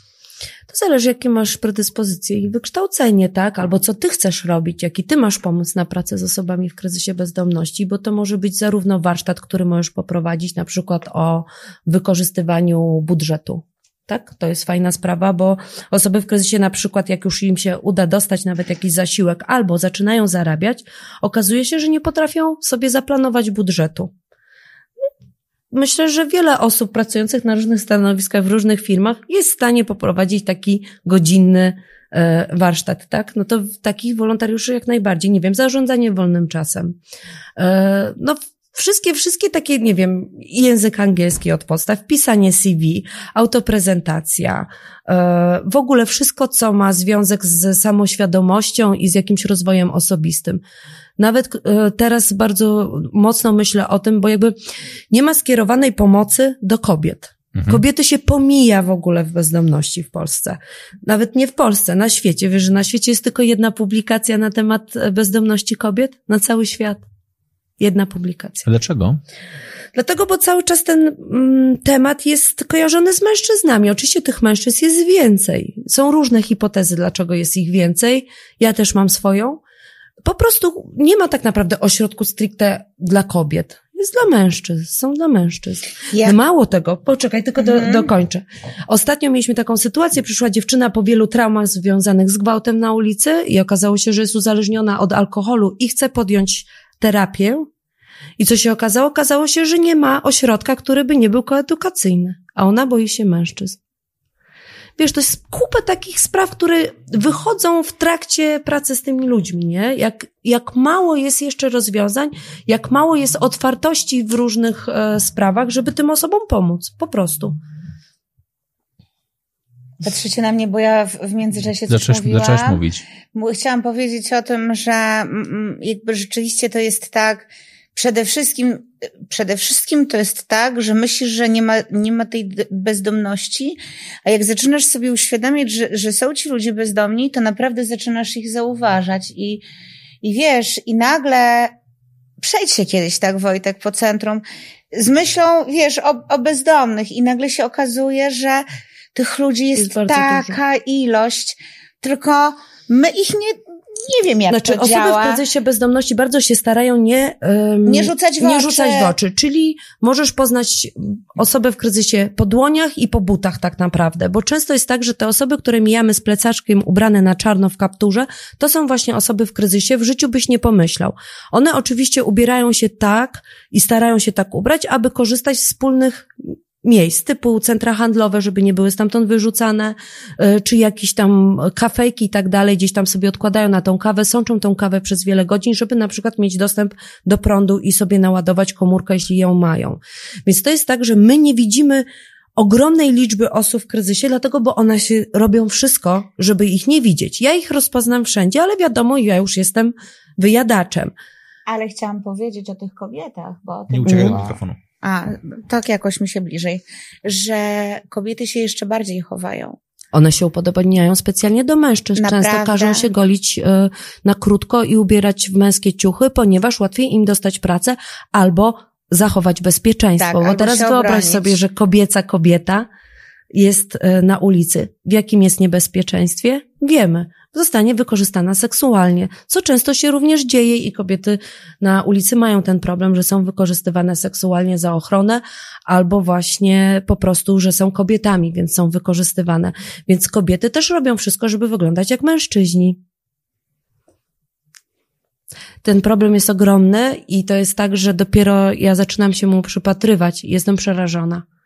Nie mówi się nic o menstruacji kobiet na ulicy, o dostępie do środków higienicznych, o, antyko, o antykoncepcji to w ogóle... Się w ogóle w Polsce w ogóle nie się nie mówi. A co dopiero się mówi o osobach w kryzysie, o seksualności, o edukacji seksualnej. Często te kobiety naprawdę nie, nie są świadome swojej, jakby działania swoich organizmów, nie? No to jest ogromny problem. Ja mam nadzieję, że Serce Miasta powoli zacznie edukować społeczeństwo na ten temat i że u nas w placówce będą dni tylko dla kobiet. Mhm gdzie nie będą musiały spotykać się z mężczyznami, tak? Jak nie będą chciały z kobietą, y, znaczy z mężczyzną terapeutą, to, to jakby będą dostosowane, to i będą kobiety terapeuci, chociaż już są. I, I że tam będą warsztaty dla kobiet, tak? Żeby kobiety poczuły się kobietami, mogły porozmawiać w swojej y, grupie i żeby je wzmocnić i żeby jakby tą pomoc skierować czysto do nich, bo tej pomocy po prostu w Polsce nie ma. Bo pomyśl jeszcze o jednym. Kobieta zgwałcona na ulicy zachodzi w ciążę. I teraz puśćmy wodze fantazji, co się dzieje z tą kobietą, potem z tym dzieckiem. Ostatnio napisałam taki post, bo Straszne to jest. dużo kobiet teraz mam w ciąży, wiadomo, zrobiło się ciepło, więc to wszystko sprzyja jakby temu zwykłemu, normalnemu rozmnażaniu. I Wychodzi na to, że pod koniec roku będę miała około piątki dzieci. Oczywiście jak nie pomogę wcześniej tym kobietom, one nie wylądują w jakichś placówkach pomocowych czy jakoś tam. Czyli będzie piątka dzieci w sercu miasta. I napisałam taki brzydki bardzo post, ale on był brzydki dlatego, bo to jest moja bezsilność już przeze mnie przemawia, że będę miała piątkę dzieci z zespołem FAS najprawdopodobniej i że co, z tej piątki dzieci chyba stworzę jedno zdrowe i je sprzedam na licytacji. Bo nikt się nie zajmuje tym problemem. Nikt. Nie ma czegoś takiego. I te kobiety w ciąży chodzą po ulicy, y, mają kontakt z alkoholem, palą papierosy. I tak naprawdę, nie, że jeżeli trafią do szpitala na poród, jeśli wcześniej się coś nie stanie z tą ciążą, no to oczywiście, jeśli będą przytomni lekarze, zazwyczaj są, no to to dziecko zostanie odebrane. Tylko, że to dziecko już będzie na pograniczu bezdomności, bo urodzi się z FAS, czyli w jaki sposób jego droga będzie na tyle ciężka, że możliwe, że on za 18 lat trafi z powrotem. Albo za 13, jak zacznie Albo za 13, uciekać, tak. Rozumiem, że jakby nie poruszamy tak wielu kwestii i tak udajemy. Jesteśmy nauczeni od dziecka, odwróć wzrok, nie patrz. To prawda. No ale na co nie patrz? Przecież tak naprawdę o tym, jak silne jest społeczeństwo, świadczy najsłabsze ogniwo. No to co my robimy w tym momencie? Odwracamy się od najsłabszego ogniwa, co świadczy o nas, że dalej jakby jesteśmy nierozwiniętym e, w żaden sposób społeczeństwa. Nie tylko to tak o nas świadczy, no ale tak, ale dla mnie jest to, jest to tematyka Wiadomo, bliska ale... mi i ja uważam, że po prostu, no, oszukujemy sami siebie, nie? Tak naprawdę. Okej, okay. ale dobra, znaczy miało nie być politycznie, ale ja, ja, ja jednakże uważam, że akurat... Nie da, ale nie da się, bo moim zdaniem też mamy czasy, w których e, No niestety idziemy w bardzo złym kierunku, jeśli chodzi o jakby rozumienie, że świat jest kolorowy i różnorodny. Taki, że świat nie jest taki, jak sobie narysujemy w dzienniku telewizyjnym. Przepraszam bardzo, bo moim zdaniem inaczej się już tego nie da dzisiaj nazwać. Mhm. E, tak, ale czy, czy, czy wy w ogóle wierzycie? Bo ty powiedziałeś, że faktycznie jakby idea jest jakby zaciągnięta od Fińczyków. E, tak? I od Finek. I od, I od Finek, czyli od tych noży harcerskich. E, że, że, że jesteśmy w stanie faktycznie jakby rozwijać, kontynuować i co najważniejsze rozprzestrzeniać też na inne miasta i w ogóle jakby na myślenie globalne o tym, że chcemy rozpocząć wychodzenie z bezdomności od tego, moim zdaniem, co jest w ogóle strasznie fajne, co ty powiedziałaś, jedynego logicznego punktu, czyli od jakby wycięcia problemu bezdomności, tak? Znaczy, bo nie da się wyjść z bezdomności, mhm. dopóki nie będziemy mieli dokładnie mhm. rozwiązanego problemu bezdomności. Ja od dawien dawna wychodzę z założenia, chcesz zmian, to nie mów o tym, że chcesz zmian, tylko weź na barki odpowiedzialność za przeprowadzenie tych zmian. Bo gadanie od, od pierwszych wyborów, bardzo dawno temu, po wieczorze prezydenckiej zaczęli wszyscy moi znajomi marudzić, tak, że to jest niefajne w Polsce, tam to jest niefajne. Marudzić można, mówić o tym, że coś się powinno zmienić, też można, ale zrobić te zmiany nie ma komu, tak? Mhm. I to jest pierwsze moje założenie, z czego ja wyszłam. Drugie, musimy zacząć głośno mówić o polityce mieszkaniowej w naszym kraju, bo ona nie dotyczy tylko i wyłącznie osób w kryzysie bezdomności, ale dotyczy nas wszystkich. Jeżeli nie zarobimy kasy mhm. i nie damy mieszkań naszym dzieciom, to one nie mają szans. Nie istnieje w ogóle coś takiego jak mieszkalnictwo społeczne. No umówmy się, to jest temat, który cały czas jest pomijany przez wszystkich polityków którzy nami rządzą. No tak? nie byli tacy, co naobiecywali. No dobrze, naobiecywać, naobiecywali, ale jakby tu się nic nie dzieje, tak? Ja bym chciała, żeby, nie wiem, jutro zadzwonił do mnie e, jakiś deweloper i stwierdził, okej, okay, e, zróbmy to, tak? Spróbujmy wybudować osiedle. Dlaczego nie? Finom się udało, dlaczego w Polsce ma się nie udać? Dlaczego nie może rząd e, zrobić takich, jakichś programów, które by ułatwiły tą całą sytuację? Przecież to jest dla nas wszystkich, dla naszych dzieci. No, wiesz, no to, to jest właśnie, no oczywiście Wiadomo, że na Zachodzie jest łatwiej, tak? No bo rządy wchodzą w te programy walki z kryzysem bezdomności, zatrudniają firmy budowlane, z, obniżają podatki związane z budową jakichś osiedli dla, właśnie dla osób wychodzących z bezdomności. I to wszystko tam jest nastawione tak, że jakby rząd współfinansuje te wszystkie rozwiązania. U nas długo, długo tak nie będzie, no ale ktoś musi zrobić ten pierwszy krok, nawet jeśli to będzie fiasko, nawet jeśli się okaże, że po tym programie y, tylko te 20 osób na przykład będzie na mieszkaniu, mieszkaniach i nikt więcej, bo nie uda się udowodnić, bo wiesz, bo to jest tak, my chcemy udowodnić, że osoba na mieszkaniu przy, przynosi mniejsze koszty de mhm. facto niż ta niskoprogowa pomoc, czyli łaźnie, noclegownie, lekarze nadziei i tak dalej, i tak dalej, i wszystko to, że jakby w końcu pokazujesz ten słupek, nie? Że tu lepiej dać mieszkanie, przez rok terapeutyzować, czy przez dwa lata i ta osoba jakby już jest na tyle samodzielna, że nawet wraca na rynek pracy i e, płaci podatki. Nawet jeśli tego, nikt tego nie podłapie z osób rządzących, moim zdaniem i tak warto ten program w Polsce przeprowadzić. Są dane? Które jakby pokazują, bo ty powiedziałeś, że jakby to jest z, z oparciu o inny, inny rynek. Czy, czy Finom, krótko mówiąc, się udało? Tak. I, czy, I czy im to na twardych cyfrach tak. wyszło, że to się po prostu bardziej tak. opłaca? Tak. Okej. Okay. No dobra, a jak jest w ogóle z pomocą faktycznie jakby e, taką podstawową, ale jednakże bardzo ważną, lekarską? Znaczy, nie mam dowodu, co ja mogę zrobić? Możesz iść do lekarzów e, nadziei na woli, albo w piątek i w poniedziałek skorzystać z pomocy moich cudownych znajomych, których serdecznie pozdrawiam. Dla mnie to są anioły, medyków na ulicy, którzy zebrali z rok temu na swoją karetkę, stają pod dworcem centralnym i, i leczą tych ludzi. Nic więcej nie możesz zrobić. Okej, okay, Znaczy możesz też, jak masz wiedzę, czyli na przykład dostęp do pracownika socjalnego, który ci uświadomi, że jako osoba w kryzysie bezdomności przysługuje ci bodajże, nie chcę skłamać, ale chyba trzymiesięczne ubezpieczenie, jeśli coś ci się dzieje. Ale może miesięczne, może trzymiesięczne, nie jestem, mam od tego, że tak powiem, ludzi Darię Schulz, która jest moim pracownikiem i ona e, jakby wie to, te wszystkie rzeczy. Ja nie we wszystko się zagłębiam aż tak, bo nie miałabym na to czasu. I to jest jedyna opcja. Tak naprawdę nie nie korzystają, bo tak, jak zamówisz, e, nie zamawiałeś pewnie nigdy karetki do osoby w kryzysie, która leży, no, a ja zamawiałam nieraz. Oczywiście niekiedy przyjeżdżają, ale zazwyczaj jest tak, że zabierają taką osobę do szpitala i jak z nią nie pojedziesz albo się nie, nie zainteresujesz, co dalej stało się z tą osobą, to ona jest wyrzucana z tego szpitala. na poziomie soru? Tak. Że w ogóle nie jest jej udzielana pomoc? Tak, bo nie zagraża jej na przykład życiu. To, że ma larwy pod, yy, pod spodniami czy coś, to, to nic nie znaczy. I ja też rozumiem te osoby, no bo słuchaj, teraz tak, nie ma w Warszawie karetki stricte dla osób w kryzysie bezdomności, która by była jakiejś sekcji, wiesz, wozów, które by jechały. Wyobraź sobie Agnieszka, po osobie w kryzysie bezdomności, która jest zawszona, nie wiem, ma liszaje, świąt i tak dalej, taka karetka jest wyłączona na całą dobę no tak. pewnie z no, no jest to, to brak jest rozwiązań systemowych i to tak można by było w kółko na, na w każdej płaszczyźnie, o którą mnie e, zapytasz. Brak jest rozwiązań systemowych. No tak, ale jeżeli mówimy o rozwiązaniach systemowych, to jeżeli pójdziemy dokładnie od tego drugiego, że tak powiem, e, od tej drugiej strony, jeżeli ułatwimy tym osobom dostęp do tego, żeby mogły dbać o siebie, jakby mhm. zacząć pracować, wykąpać się, umyć, czyli zadbamy im o to, żeby miały mieszkanie. Jeżeli to, o czym ty mówisz, to spada prawdopodobieństwo tego, że są e, tak e, bardzo długoterminowo zaniedbane, czyli jeżeli by się coś wydarzyło, to generalnie mam ten problem, o którym ty istnieje, jakby mówisz, jest mniejszy, tak? Że jest, mhm. jest mniejsze prawdopodobieństwo, czyli powinno się udać.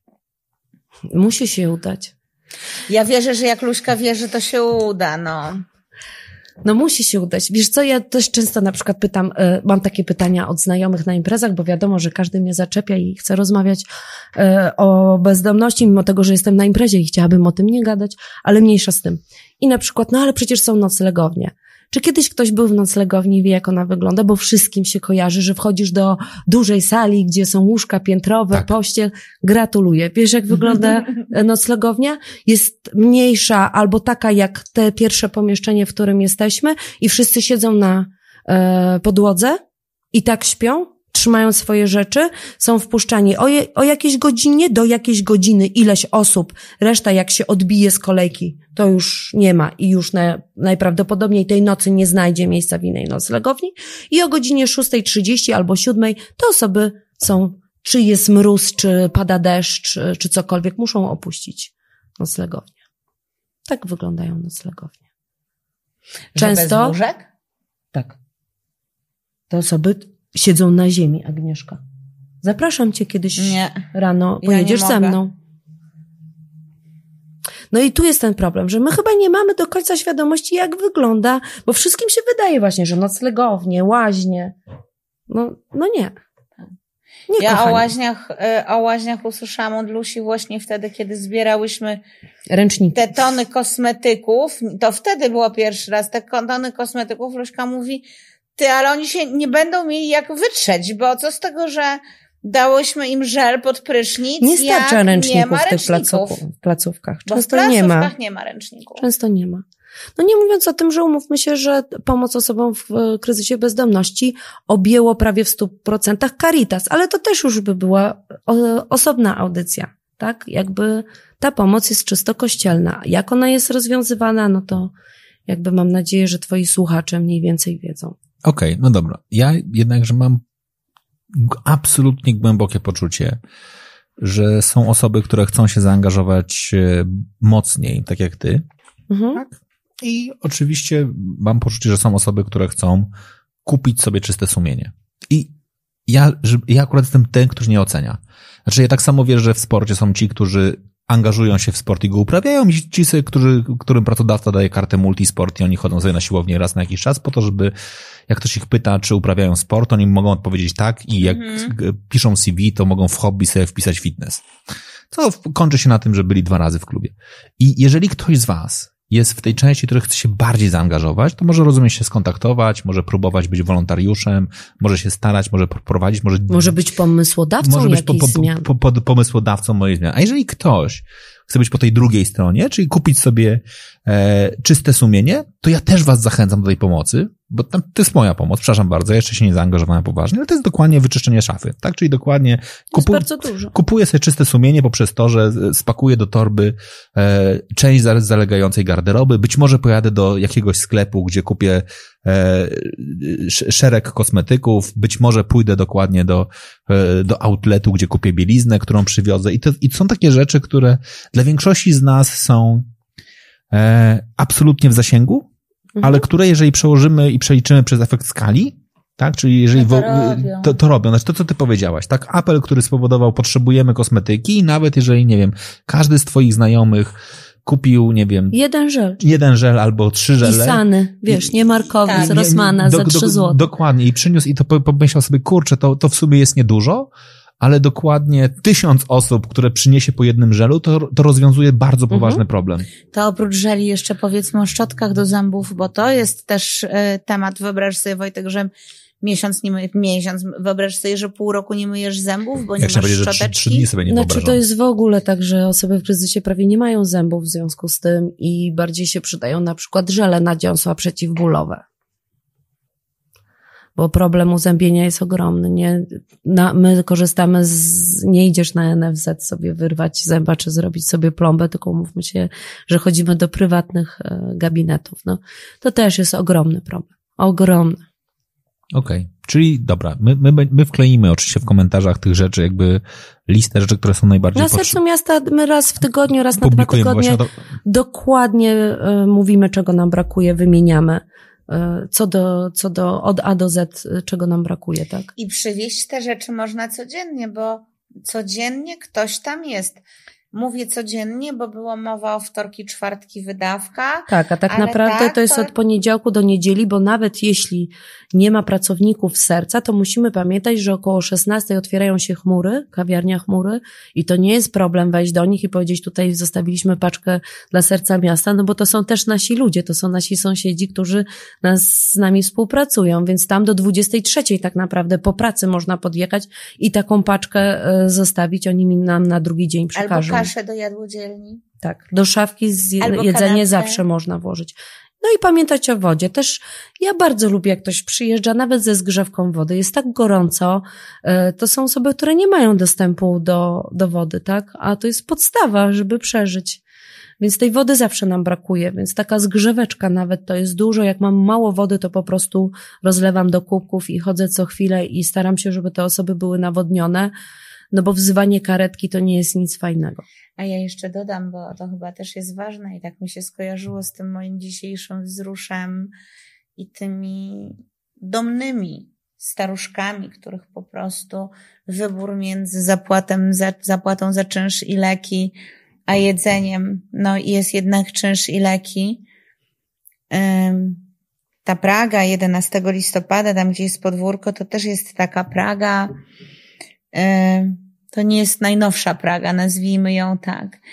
I z tej jadłodzielni też korzystają ludzie dokładnie tak jak pod tą halą mirowską, którzy mają dach, mają na rachunki, ale już na to jedzenie zwyczajnie nie mają. I tam mieszkańcy Pragi też przychodzą i biorą chleb, tak, czy biorą kaszę, chleb, czy, czy cebulę, owoc. czy owoc co tam w tej jadłodzielni jest, rodzin więc też to też jest tak. właśnie dla, dla tej praskiej społeczności, która jest dość blisko ważne, a, a rzeczywiście to jest ta taka Praga, jaka się kojarzy każdemu z hasłem warszawska Praga, więc też, to też jest fajnie ważne. jakby ludzie pamiętali na przykład o lekach. Jest tak, że kupujemy bardzo dużo leków, nie? No w ogóle jesteśmy, mamy pełne szafki żeby sprawdzić, czy coś nie zostało. Często jest tak, że osoby starsze, nasi rodzice kupią lek, potem go nie używają, albo zapomną, że kupili, biorą następną receptę,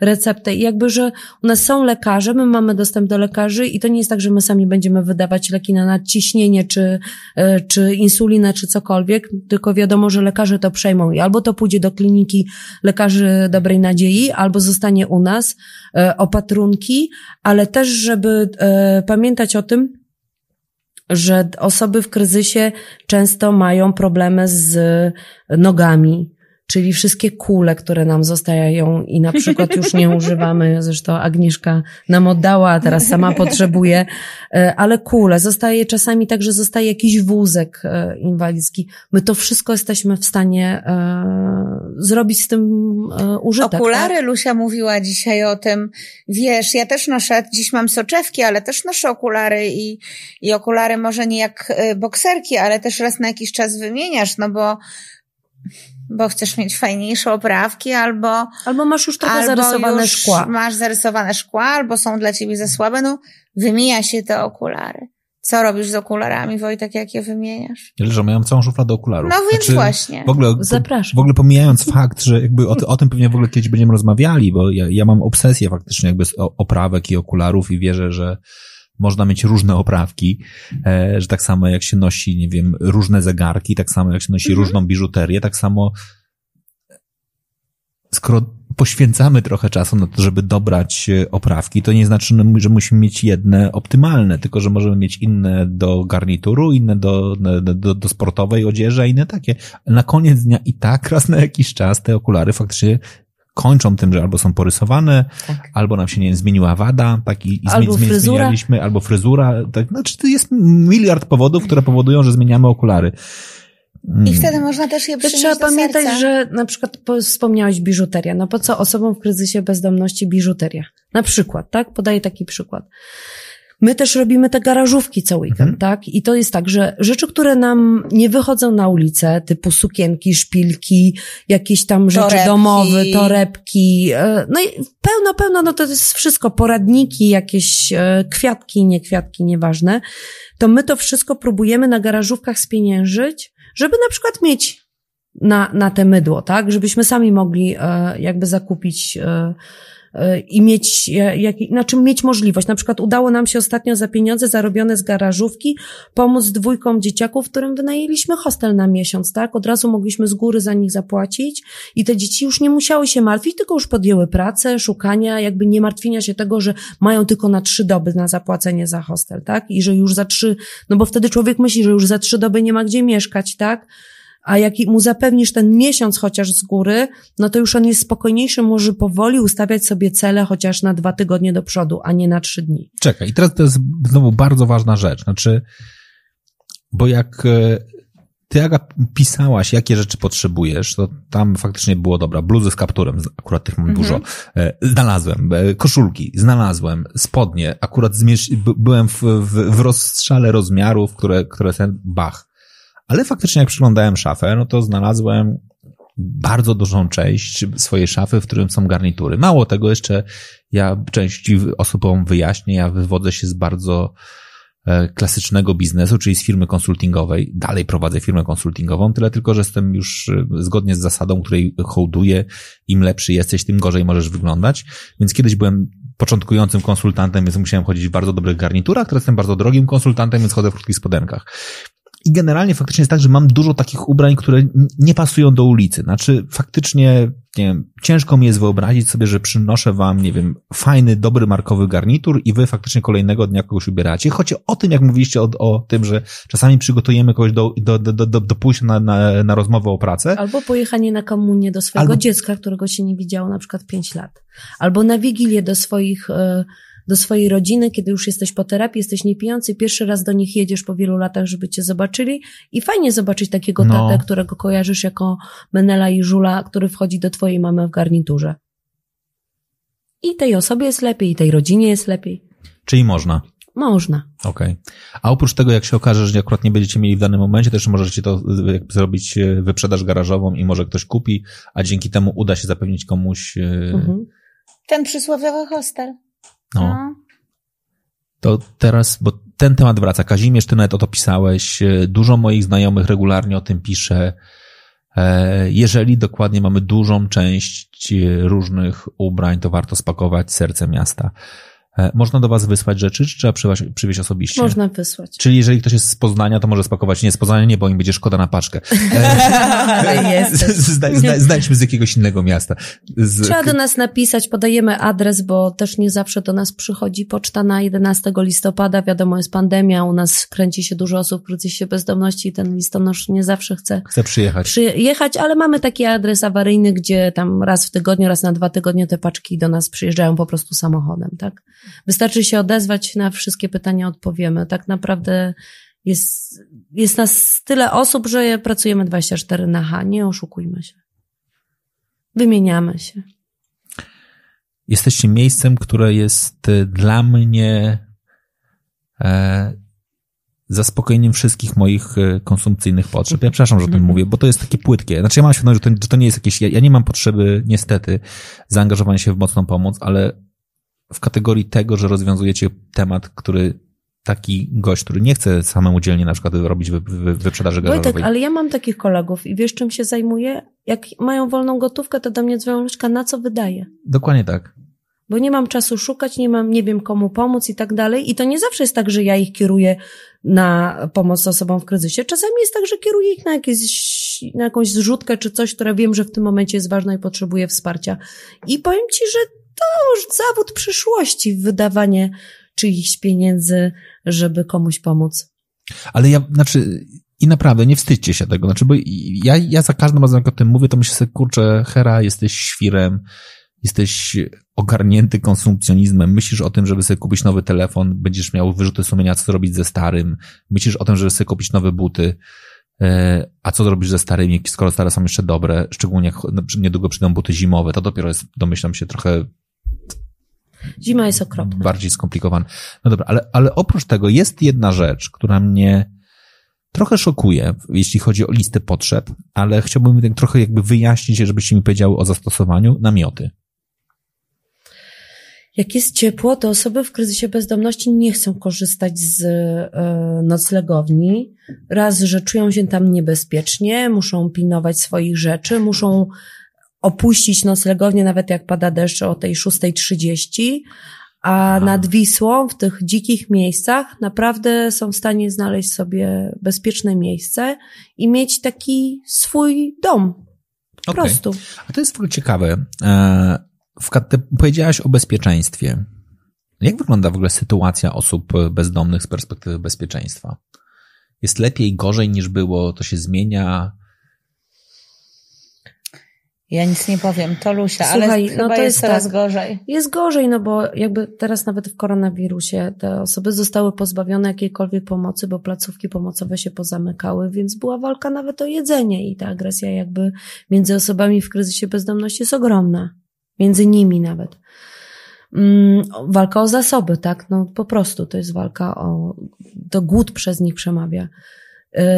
No życie osoby w kryzysie bezdomności jest takie, że nie wiesz, czy przeżyjesz do jutra. I oni z tą świadomością i tą traumą żyją. Mało tego, no, jak możesz być, czuć się bezpieczny w momencie, na przykład nikt nie porusza tematu fekalizacji zewnętrznej. Wyobraź sobie, że robimy taki challenge i przez tydzień wypróżniamy się na zewnątrz tylko i wyłącznie nie korzystając z żadnej toalety. Zaczynasz już się czuć niebezpiecznie, już zaczynasz mieć jakieś e, po prostu zaburzenia. No, to jest pełno, no nie wiem, nie możesz wyspać się, nie możesz spać spokojnie, bo nie wiesz, czy nie ukradną ci rzeczy. Co jest bardzo często wśród osób w kryzysie bezdomności, że sobie nawzajem zdejmują w czasie snu buty. I na przykład budzisz się bez butów. Czyli nawet nie możesz się wyspać tak. E, musisz zawsze mieć trochę otwarte oczy no kobiety w ogóle są w niebezpieczeństwie. Tak naprawdę ci, te osoby, które są w kryzysie, mają mm, wychodzące z więzienia, wiadomo, że one są groźniejsze niż te osoby, które w wyniku jakichś nieszczęść, czy swojej ułomności cielesnej, czy swojej ułomności e, umysłowej wylądowały na ulicy, bo też trzeba o tym powiedzieć, że bardzo dużo osób to są po prostu osoby, które są ułomne e, umysłowo w jakimś tam stopniu i są na ulicy, bo rodzina się nimi nie zajęła, je wyrzuciła, pozbyła się problemu i ja często mam tak, że to są po prostu osoby o niskim ilorazie inteligencji, tylko i wyłącznie. Czyli mają jakieś zaburzenie, czy e, no nie, no jest bardzo niebezpieczne. Bycie osobą w kryzysie bezdomności to jest bardzo niebezpieczna sprawa.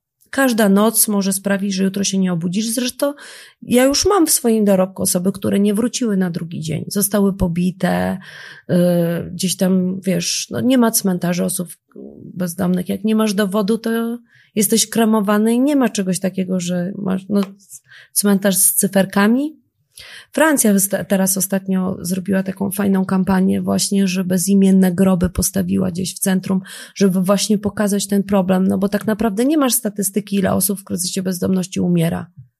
No bo jeżeli nie ma przy sobie dowodu, no to to nie trafia jakby do publicznej wiadomości, tak? Jaka jest w ogóle procedura, w ogóle wiecie jaka jest procedura taka? Bo to jest w ogóle strasznie ciekawe, no bo ja rozumiem, że jest jakiś moment, w którym czekamy, aż ktoś zidentyfikuje ciało, ale ja rozumiem, Jeśli że... ma przy sobie dokumenty, to tak, no jeśli gdzieś był w kartotece, gdzieś był zaznaczony, no to tak, to zostanie zidentyfikowany i rodzina zostanie powiadomiona. Ale zazwyczaj takie pogrzeby to są pogrzeby, gdzie są tylko grabarze. I taka tabliczka NN.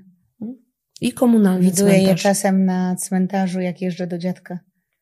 Są groby z tabliczką, jest tylko napis NN. Czyli nieznany. Nieznany.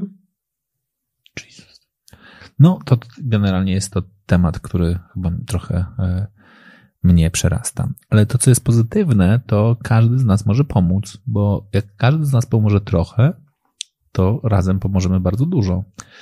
I to, co ty powiedziałaś, jest elementem, który daje nadzieję, że czasami ten jeden przekazany telefon, i to apeluję do wszystkich swoich przyjaciół też biznesowych, w waszych biurkach, w, W waszych firmach. W waszych firmach, czy dokładnie w firmach waszych Są jest, stare laptopy są na stare przykład. laptopy, ale te pewnie w dużej mierze też poszły w ostatnim czasie na pomoc dzieciom, w które Mhm. trafiły do edukacji domowej, więc już tym nie będziemy zabierać, ale macie bardzo dużo telefonów po wymianach, bo w końcu co dwa lata operator przychodzi do was i wymienia wam telefony Dokładnie. i dział administracji trzyma te telefony, bo, Bo. bo zrzuca. Ja kiedyś byłem zaangażowany, to biznesowo byłem w to zaangażowany, bo faktycznie firma, ja długo się zajmowałem jakby konsultingowo e, rynkiem samochodów używanych i akurat partner naszej firmy z Wielkiej Brytanii założył firmę, która się zajmuje e, z telefonami używanymi. Na świecie zrobił z tego bardzo duży biznes. Myśmy w Polsce chcieli go, go wdrożyć, w Polsce nikt się nie zajmuje tak naprawdę tak, tak na poważnie telefonami używanymi, w związku z czym jak, jak jesteś osobą indywidualną, to pójdziesz do galerii Mokotów i sprzedasz tam panu, ewentualnie wystawisz na OLX-ie. Firmy mają potężne ilości przejętych Telefonów. telefonów, które po prostu są e, Wiesz, i, i leżą. Ile knajp ma pozostawionych telefonów nigdy nie odebranych przez klientów, którzy na imprezie gdzieś zgubili telefon? No ale tam wiesz, trzeba, wiesz, tam No trzeba... tak, trzeba, ale trzeba, to jest właśnie ten tam- problem, tam że trzeba może być tam- zgłoszony Tam trzeba i... odblokować, może być tak. zgłoszony, a mamy bardzo dużo telefonów, które są po prostu aparatami. Ja myślę, że każdy lub też wielu z nas, którzy w tej chwili nas słuchają, mogłoby spokojnie e, spojrzeć w swoje szuflady w biurkach lub też swoje szuflady, w, nie wiem, w komodach, gdzie gdzieś na dnie leży jakiś zapomniany e, aparat, e, tylko dlatego, że się znudził, że nie było pomysłu, żeby go wymienić, a jego oddanie może zmienić po prostu bardzo mocno czyjeś życie, bo może mu po prostu dostarczyć e, dostęp Tak, do trzeba świata. też powiedzieć, Wojtku, że to nie musi być też smartfon, bo czasami Nokie leżą jeszcze u nas w domach. A mam wśród osób w kryzysie bezdomności osoby starsze, które nie, nie chcą smartfona, tak jak nasi rodzice, którzy nie chcą się przedstawić na, na nowoczesny sprzęt, a potrzebują tego telefonu, żeby raz wezwać pogotowie, dwa po prostu mieć kontakt z kimś jeszcze z rodziny, tak? Więc to te nastawienie na smartfona Nie, oczywiście dobra. tak, ale w ogóle telefon jest taką podstawą w ogóle To bytu trochę naszego. jak z tymi bokserkami, wiesz, w tej siatce. Mogą nie? być nie nowe, ale oceniaj mogą- ty. Jeśli masz telefon, to nie zastanawiaj się, czy, czy jest y, czy obciachem czy jest stary. wyciągnięcie go w ogóle ze szufla, z szuflady przyznanie, jeszcze że i się przyznanie, trzymało. że się go ma. Na pewno się przyda. Tak. A, a jak nie, to już my się znaj- zajmiemy utylizacją przynajmniej. Nie, Dużo tematów, co? nie sprzedawaj, naucz klientów kupować, e, nie szukaj dużych form pomocy, po prostu czasami pomóż e, sobie i ja jestem zachwycony. Znaczy jestem naprawdę zachwycony, bo to e, po audycji porozmawiamy, opowiem o kilku elementach, które sobie teraz jakby z, z tyłu głowy mam, jak dużo myśmy mieli wielokrotnie problemów, zastanawialiśmy, co zrobić. Znaczy, nie mówiąc, jak ty mówiłaś o wodzie, to woda jest naszym stałym problemem. My z jednej strony e, no, organizujemy duże konferencje, na których mamy par partnerów, w związku z czym bardzo często do nas zjeżdża bardzo dużo rzeczy i fajnie, bo kończymy konferencję, mamy skończone, po czym po konferencji zostają nam, zostaje nam kilka palet e, napojów, tak? I, Albo jedzenia. albo jedzenia. I Właśnie, my kompletnie bo- nie wiemy, co z tym zrobić dalej. Znaczy, to, to jest naprawdę Ja już pracuję kłopotliwe. nad taką siatką, żeby to... Jedzenie to jest w ogóle case. Pamiętasz Wigilie Tak, firmowe? ale wszystkie Zobacz, cateringi, tak. Wigilie firmowe, takie rzeczy jak się dzieją i to naprawdę nie musi być event na 1500 osób. Jeżeli jest impreza w firmie, nie wiem, owocowe czwartki, piątki czy soboty i zostanie potem kilo jabłek i trzy banany, To, To też zamiast wyrzucić, lepiej dać znać, może ktoś To powiedzie. zresztą robi firma e, prawnicza w Warszawie. Tak. Mogę wymienić nazwę? Możesz? Crido, które mnie wspiera od dwóch lat i oni na przykład mają te owoce dla swoich pracowników na wszystkich piętrach i jest tak, że w piątki wpuszczają, bo wiadomo, że oni wcześniej wychodzą ten i jakby można te owoce zebrać i, i wtedy jest nakarmienie w sobotę. Po I to tej- też był ich pomysł, tak? To, to oni mi uświadomili, po prostu pracownicy tam pracujący, znający mnie prywatnie. e, Świadomie, słuchaj, to nie wiem, jakbyśmy mogli ci pomóc, no bo rachunków to ci nie rozliczymy, bo, bo, bo osoby w kryzysie nie mają ale mamy owoce. No i to był super, strzał w dziesiątkę. Bo oni owoców nie jedzą. Bo to jest ostatnia Znaczy nie, nawet w piątki po prostu Tak. sobie odpuszczają pracownicy Tak. te jabłko czy ten Ale banat, ja no bo mówię wiedzą, że przyjdę, ludziach tak? kryzysu, nie? Że dla nich Tak, pierwszą, tak. drugą, ani Banan, nawet śliwka. piętnastą potrzebą nie jest owoc. Chips, jakie, ja kiedyś dostałam chips jakoś blisko terminu z jakiegoś sklepu, ktoś mi oddał. Boże, jaka radość była, jakbyś dzieciom po prostu. Znaczy, jestem w stanie sobie, naprawdę jestem w stanie się domyśleć, że to są takie rzeczy, które No są ostatnie, no tak jak a wiesz. dla nas często są problemem. Tak? Mhm. Znaczy, po- po- jedzenie po czy podpaski, jedzenie czy podpaski, jedzenie. Czyli dziewczyny nie mają dostępu do podpasek. No bo nie stać ich. No ale na szczęście Serce Miasta to już teraz rozwiąże i tam będą i szafeczki, i jest szafka na jedzenie, i będzie szafka na środki higieniczne dla kobiet i jeszcze parę innych rzeczy. To się wszystko dzieje, nie? Bo to jest start. Pamiętaj, że to jest start serca, bo to trwa od początku marca. Więc umówmy się, że i tak bardzo dużo zostało zrobione. No Mamy lipiec. raczej. A nie dla mnie, jako osoby, która widzi ten projekt, jakby wie, co ma być, to nie zostało zrobione nic. I dlatego wszystkich swoich pracowników i współpracowników pozdrawiam, bo ja jestem taka, że to ja wiem, że jeszcze nic nie zostało zrobione. To, to jest małe kroczki, to, to, to, to jest nic. Fajnie mieć taką przyjaciółkę z powerem, co? No, moc. To wszystko się stanie. Dobrze, to jeszcze z ostatnich próśb pamiętajcie, że serce miasta jest przed remontem. Prąd pożyczamy od chmur i hydrozagadki. Nie mamy ogrzewania, nie, nie mamy nic. Więc jeżeli robiliście remonty w te wakacje i zostało wam na przykład pół worku gipsu albo jakaś stara farba, Albo resztka płytek. resztka płytek, to mm, też serce miasta się kłania i bardzo chętnie, bo nam to nie będzie przeszkadzało, jak piwnicę będziemy mieli w stu różnych płytkach. Nawet będzie fajnie. Jak Chyba. sobie tak wyremontujemy w różne płytki, to tak będzie pokazywało, ile osób po prostu jakiś wkład zrobiło w remont tego miejsca, a zaraz będę musiała remontować hostel razem z moją szefową i całym składem. Też naprawdę, jak wam pół puszki białej farby zostało, to my szybciutko zmalujemy jakąś ścianę.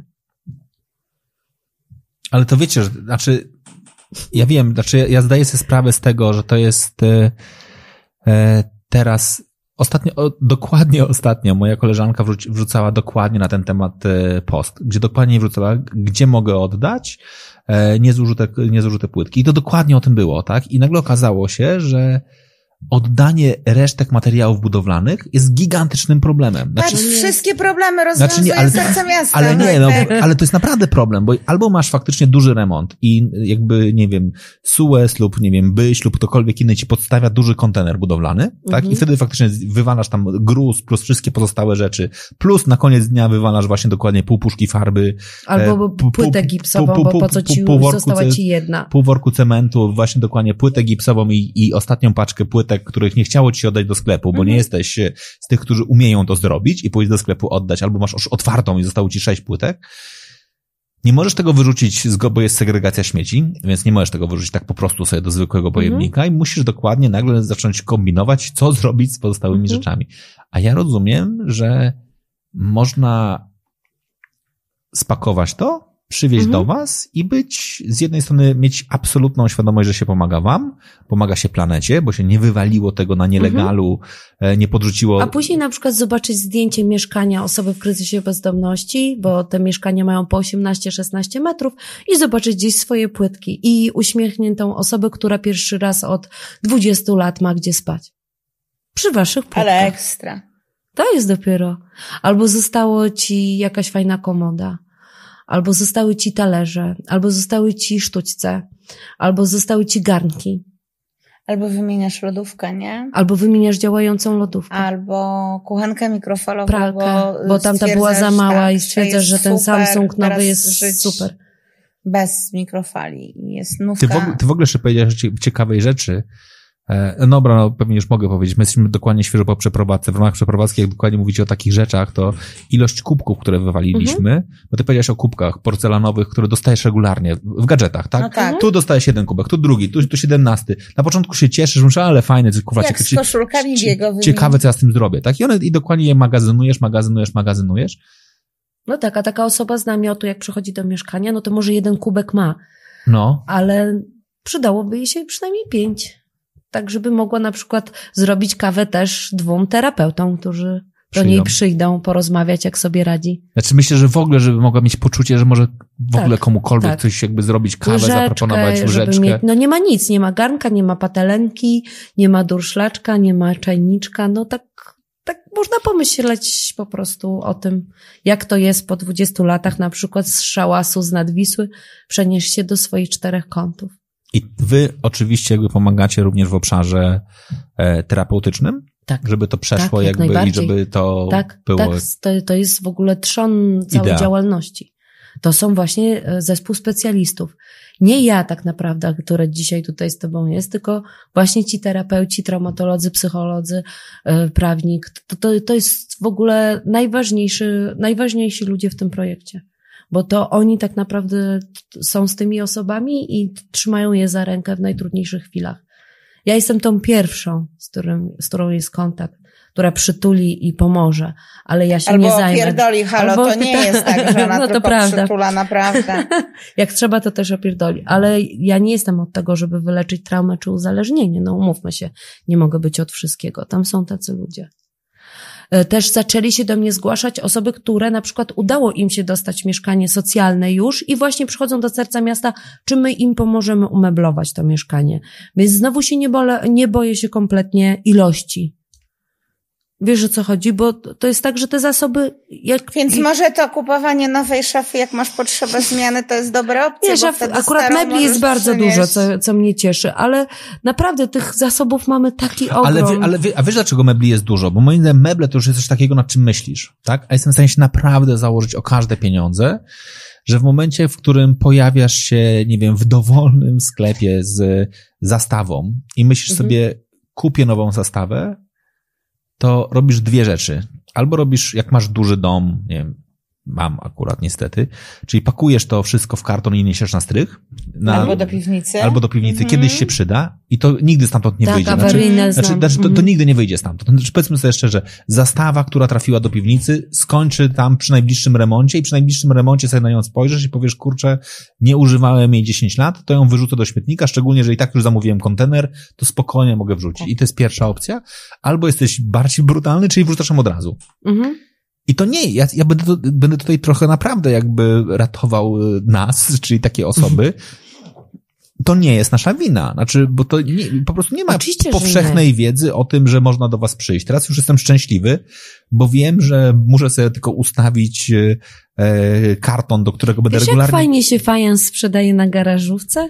Takie filiżaneczki do espresso? Znaczy wiesz, znaczy ja w ogóle myślę sobie, znaczy ja, ja naprawdę, i mówię teraz zupełnie poważnie, znaczy to, to co powiedziałem, no mój biznes naprawdę polega na tym, że ja nic innego nie robię, tylko regularnie gromadzę rzeczy, no jakby i myślę sobie, że nie jestem jedyny. No, nie jest, ale nie jest w tym nic Jak nie jesteś, jest nie złego, wiem, jak no. jesteś, nie wiem, przedstawicielem farmaceutycznym, czy nie wiem, przedstawicielem w firmie FMCG, to też regularnie idziesz na swoją cyklówkę, idziesz na swoją konferencję, tam w ramach ten, jak jedziesz na, nie wiem, konferencję branżową, nie wiem, patrz, nie wiem, dowolny, właśnie dowolną imprezę, jedziesz i tam zawsze dostajesz tą siatkę konferencyjną i w tej siatce konferencyjnej na bank ktoś ci wpakował butelkę, bo teraz jest modne, żebyśmy byli też bardziej bardziej mm. ekologiczni, ktoś ci wpakował jakiś kubek, to jest super fajne, dopóki dostajesz pierwszą butelkę, tylko u mnie to jest trochę frustrujące, bo ja mam swoją ulubioną markę od butelek, które używam i każdy, kto mi daje dodatkowe butelki eko, nie pomaga mi.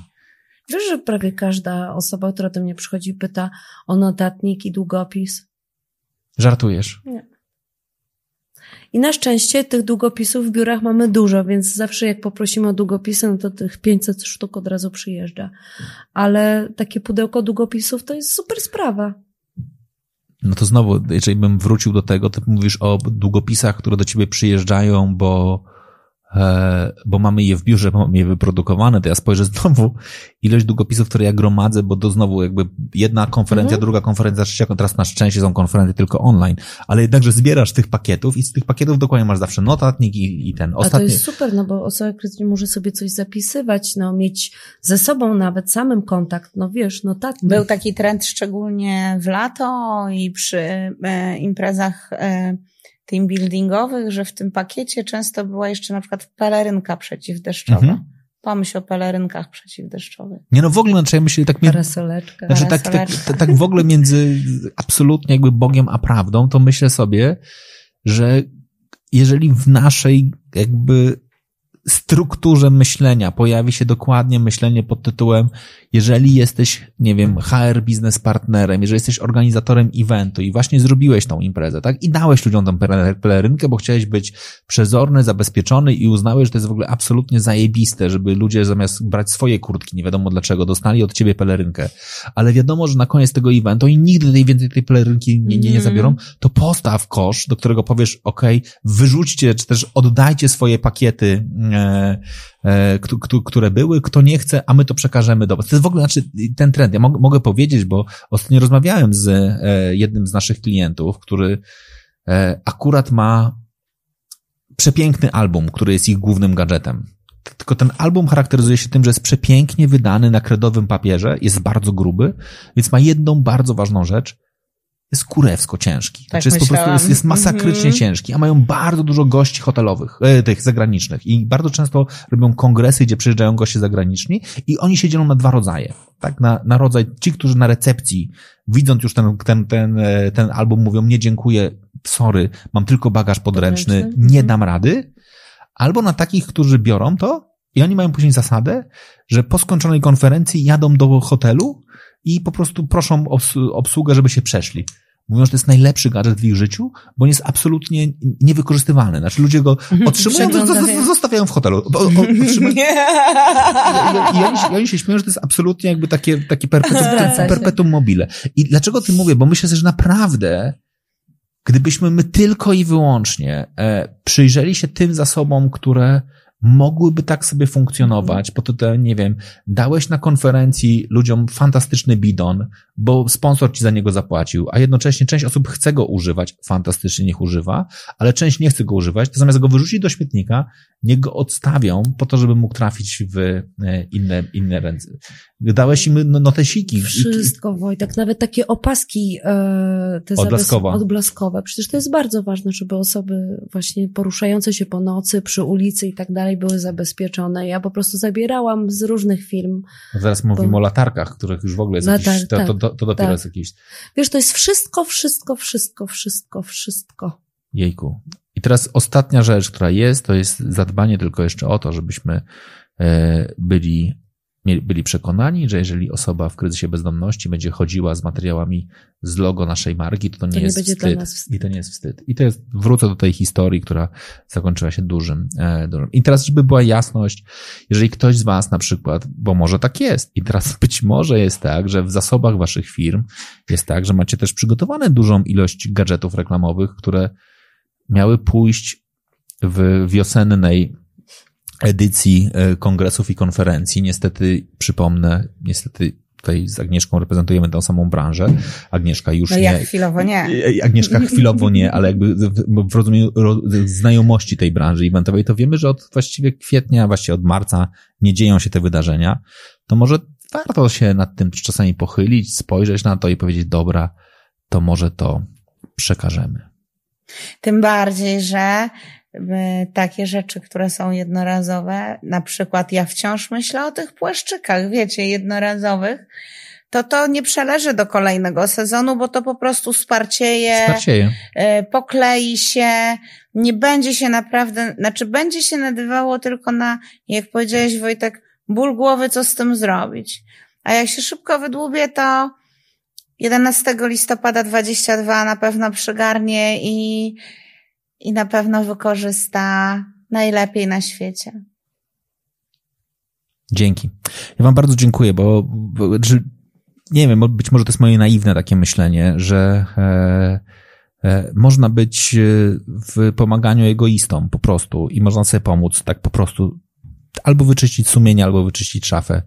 I nawet jeżeli zrobisz to absolutnie tylko dla siebie i robisz to w pełni egoistycznie, tak jak to robię ja, to może na koniec dnia dla tej drugiej osoby on ma kompletnie w dupie, czy zrobiłeś to egoistycznie, czy dla siebie. Na, na mhm. koniec dnia on po prostu ma jest poczucie, że jest, że jest wdzięczny. I, i czy to I to wróci do ciebie, bo on wyśle A ja myślę, że, i... że, przepraszam, no, weszłam ci słowo. Nie, nie.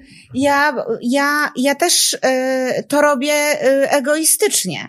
Znaczy, nie ma się co biczować, bo każde pomaganie jest tak naprawdę zrobieniem sobie dobrze.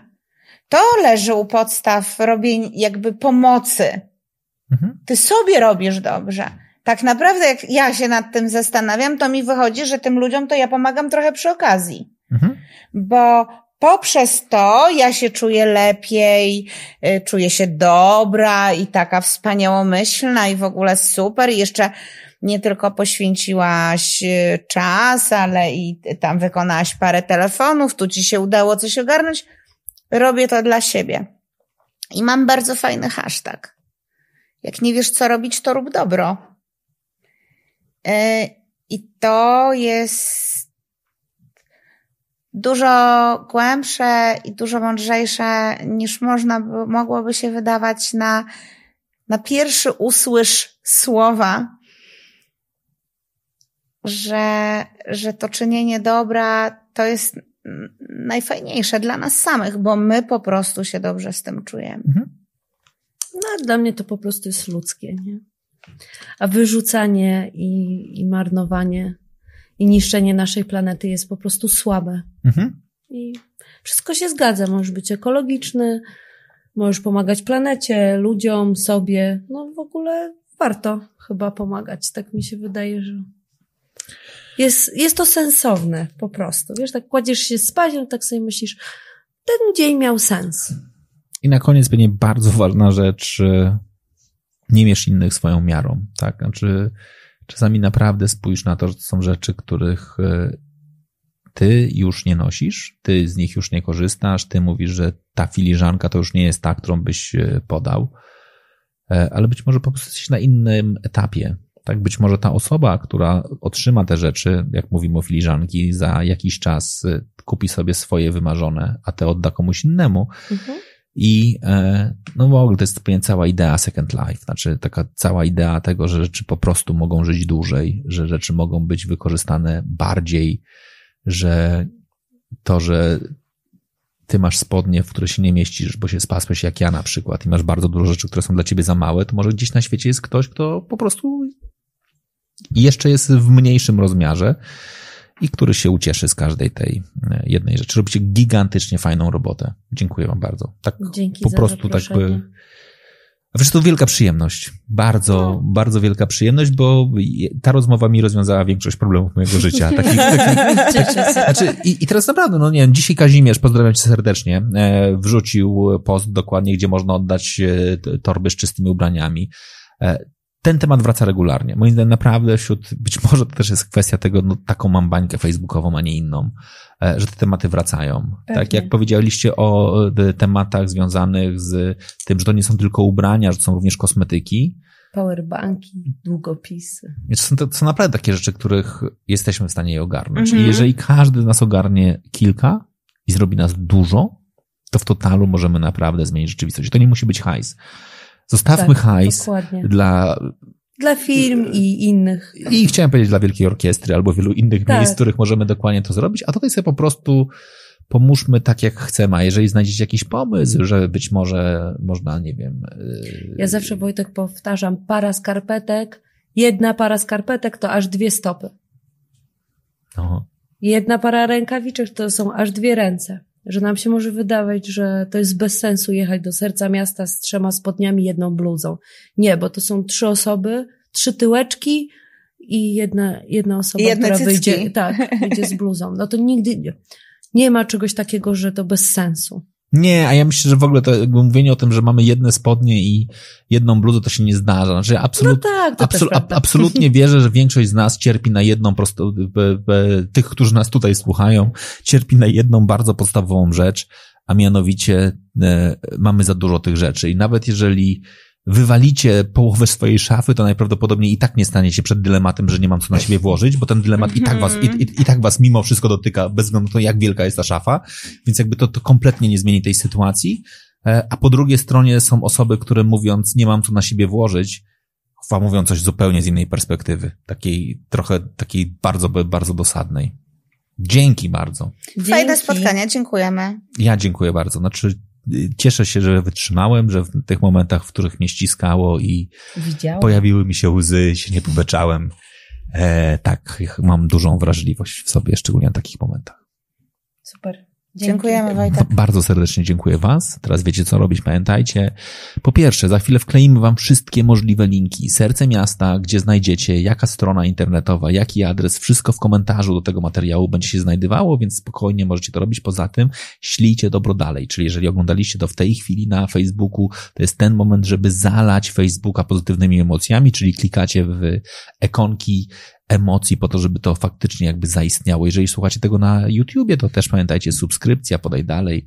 E, a jeżeli słuchaliście to na już e, podcastach, czyli Spotify, iTunes, Spreaker, pozostałe, można oceniać, można zachęcać pozostałych do słuchania i przekonujcie znajomych. Róbcie naprawdę, tak naprawdę zwykłe, lokalne, małe akcje.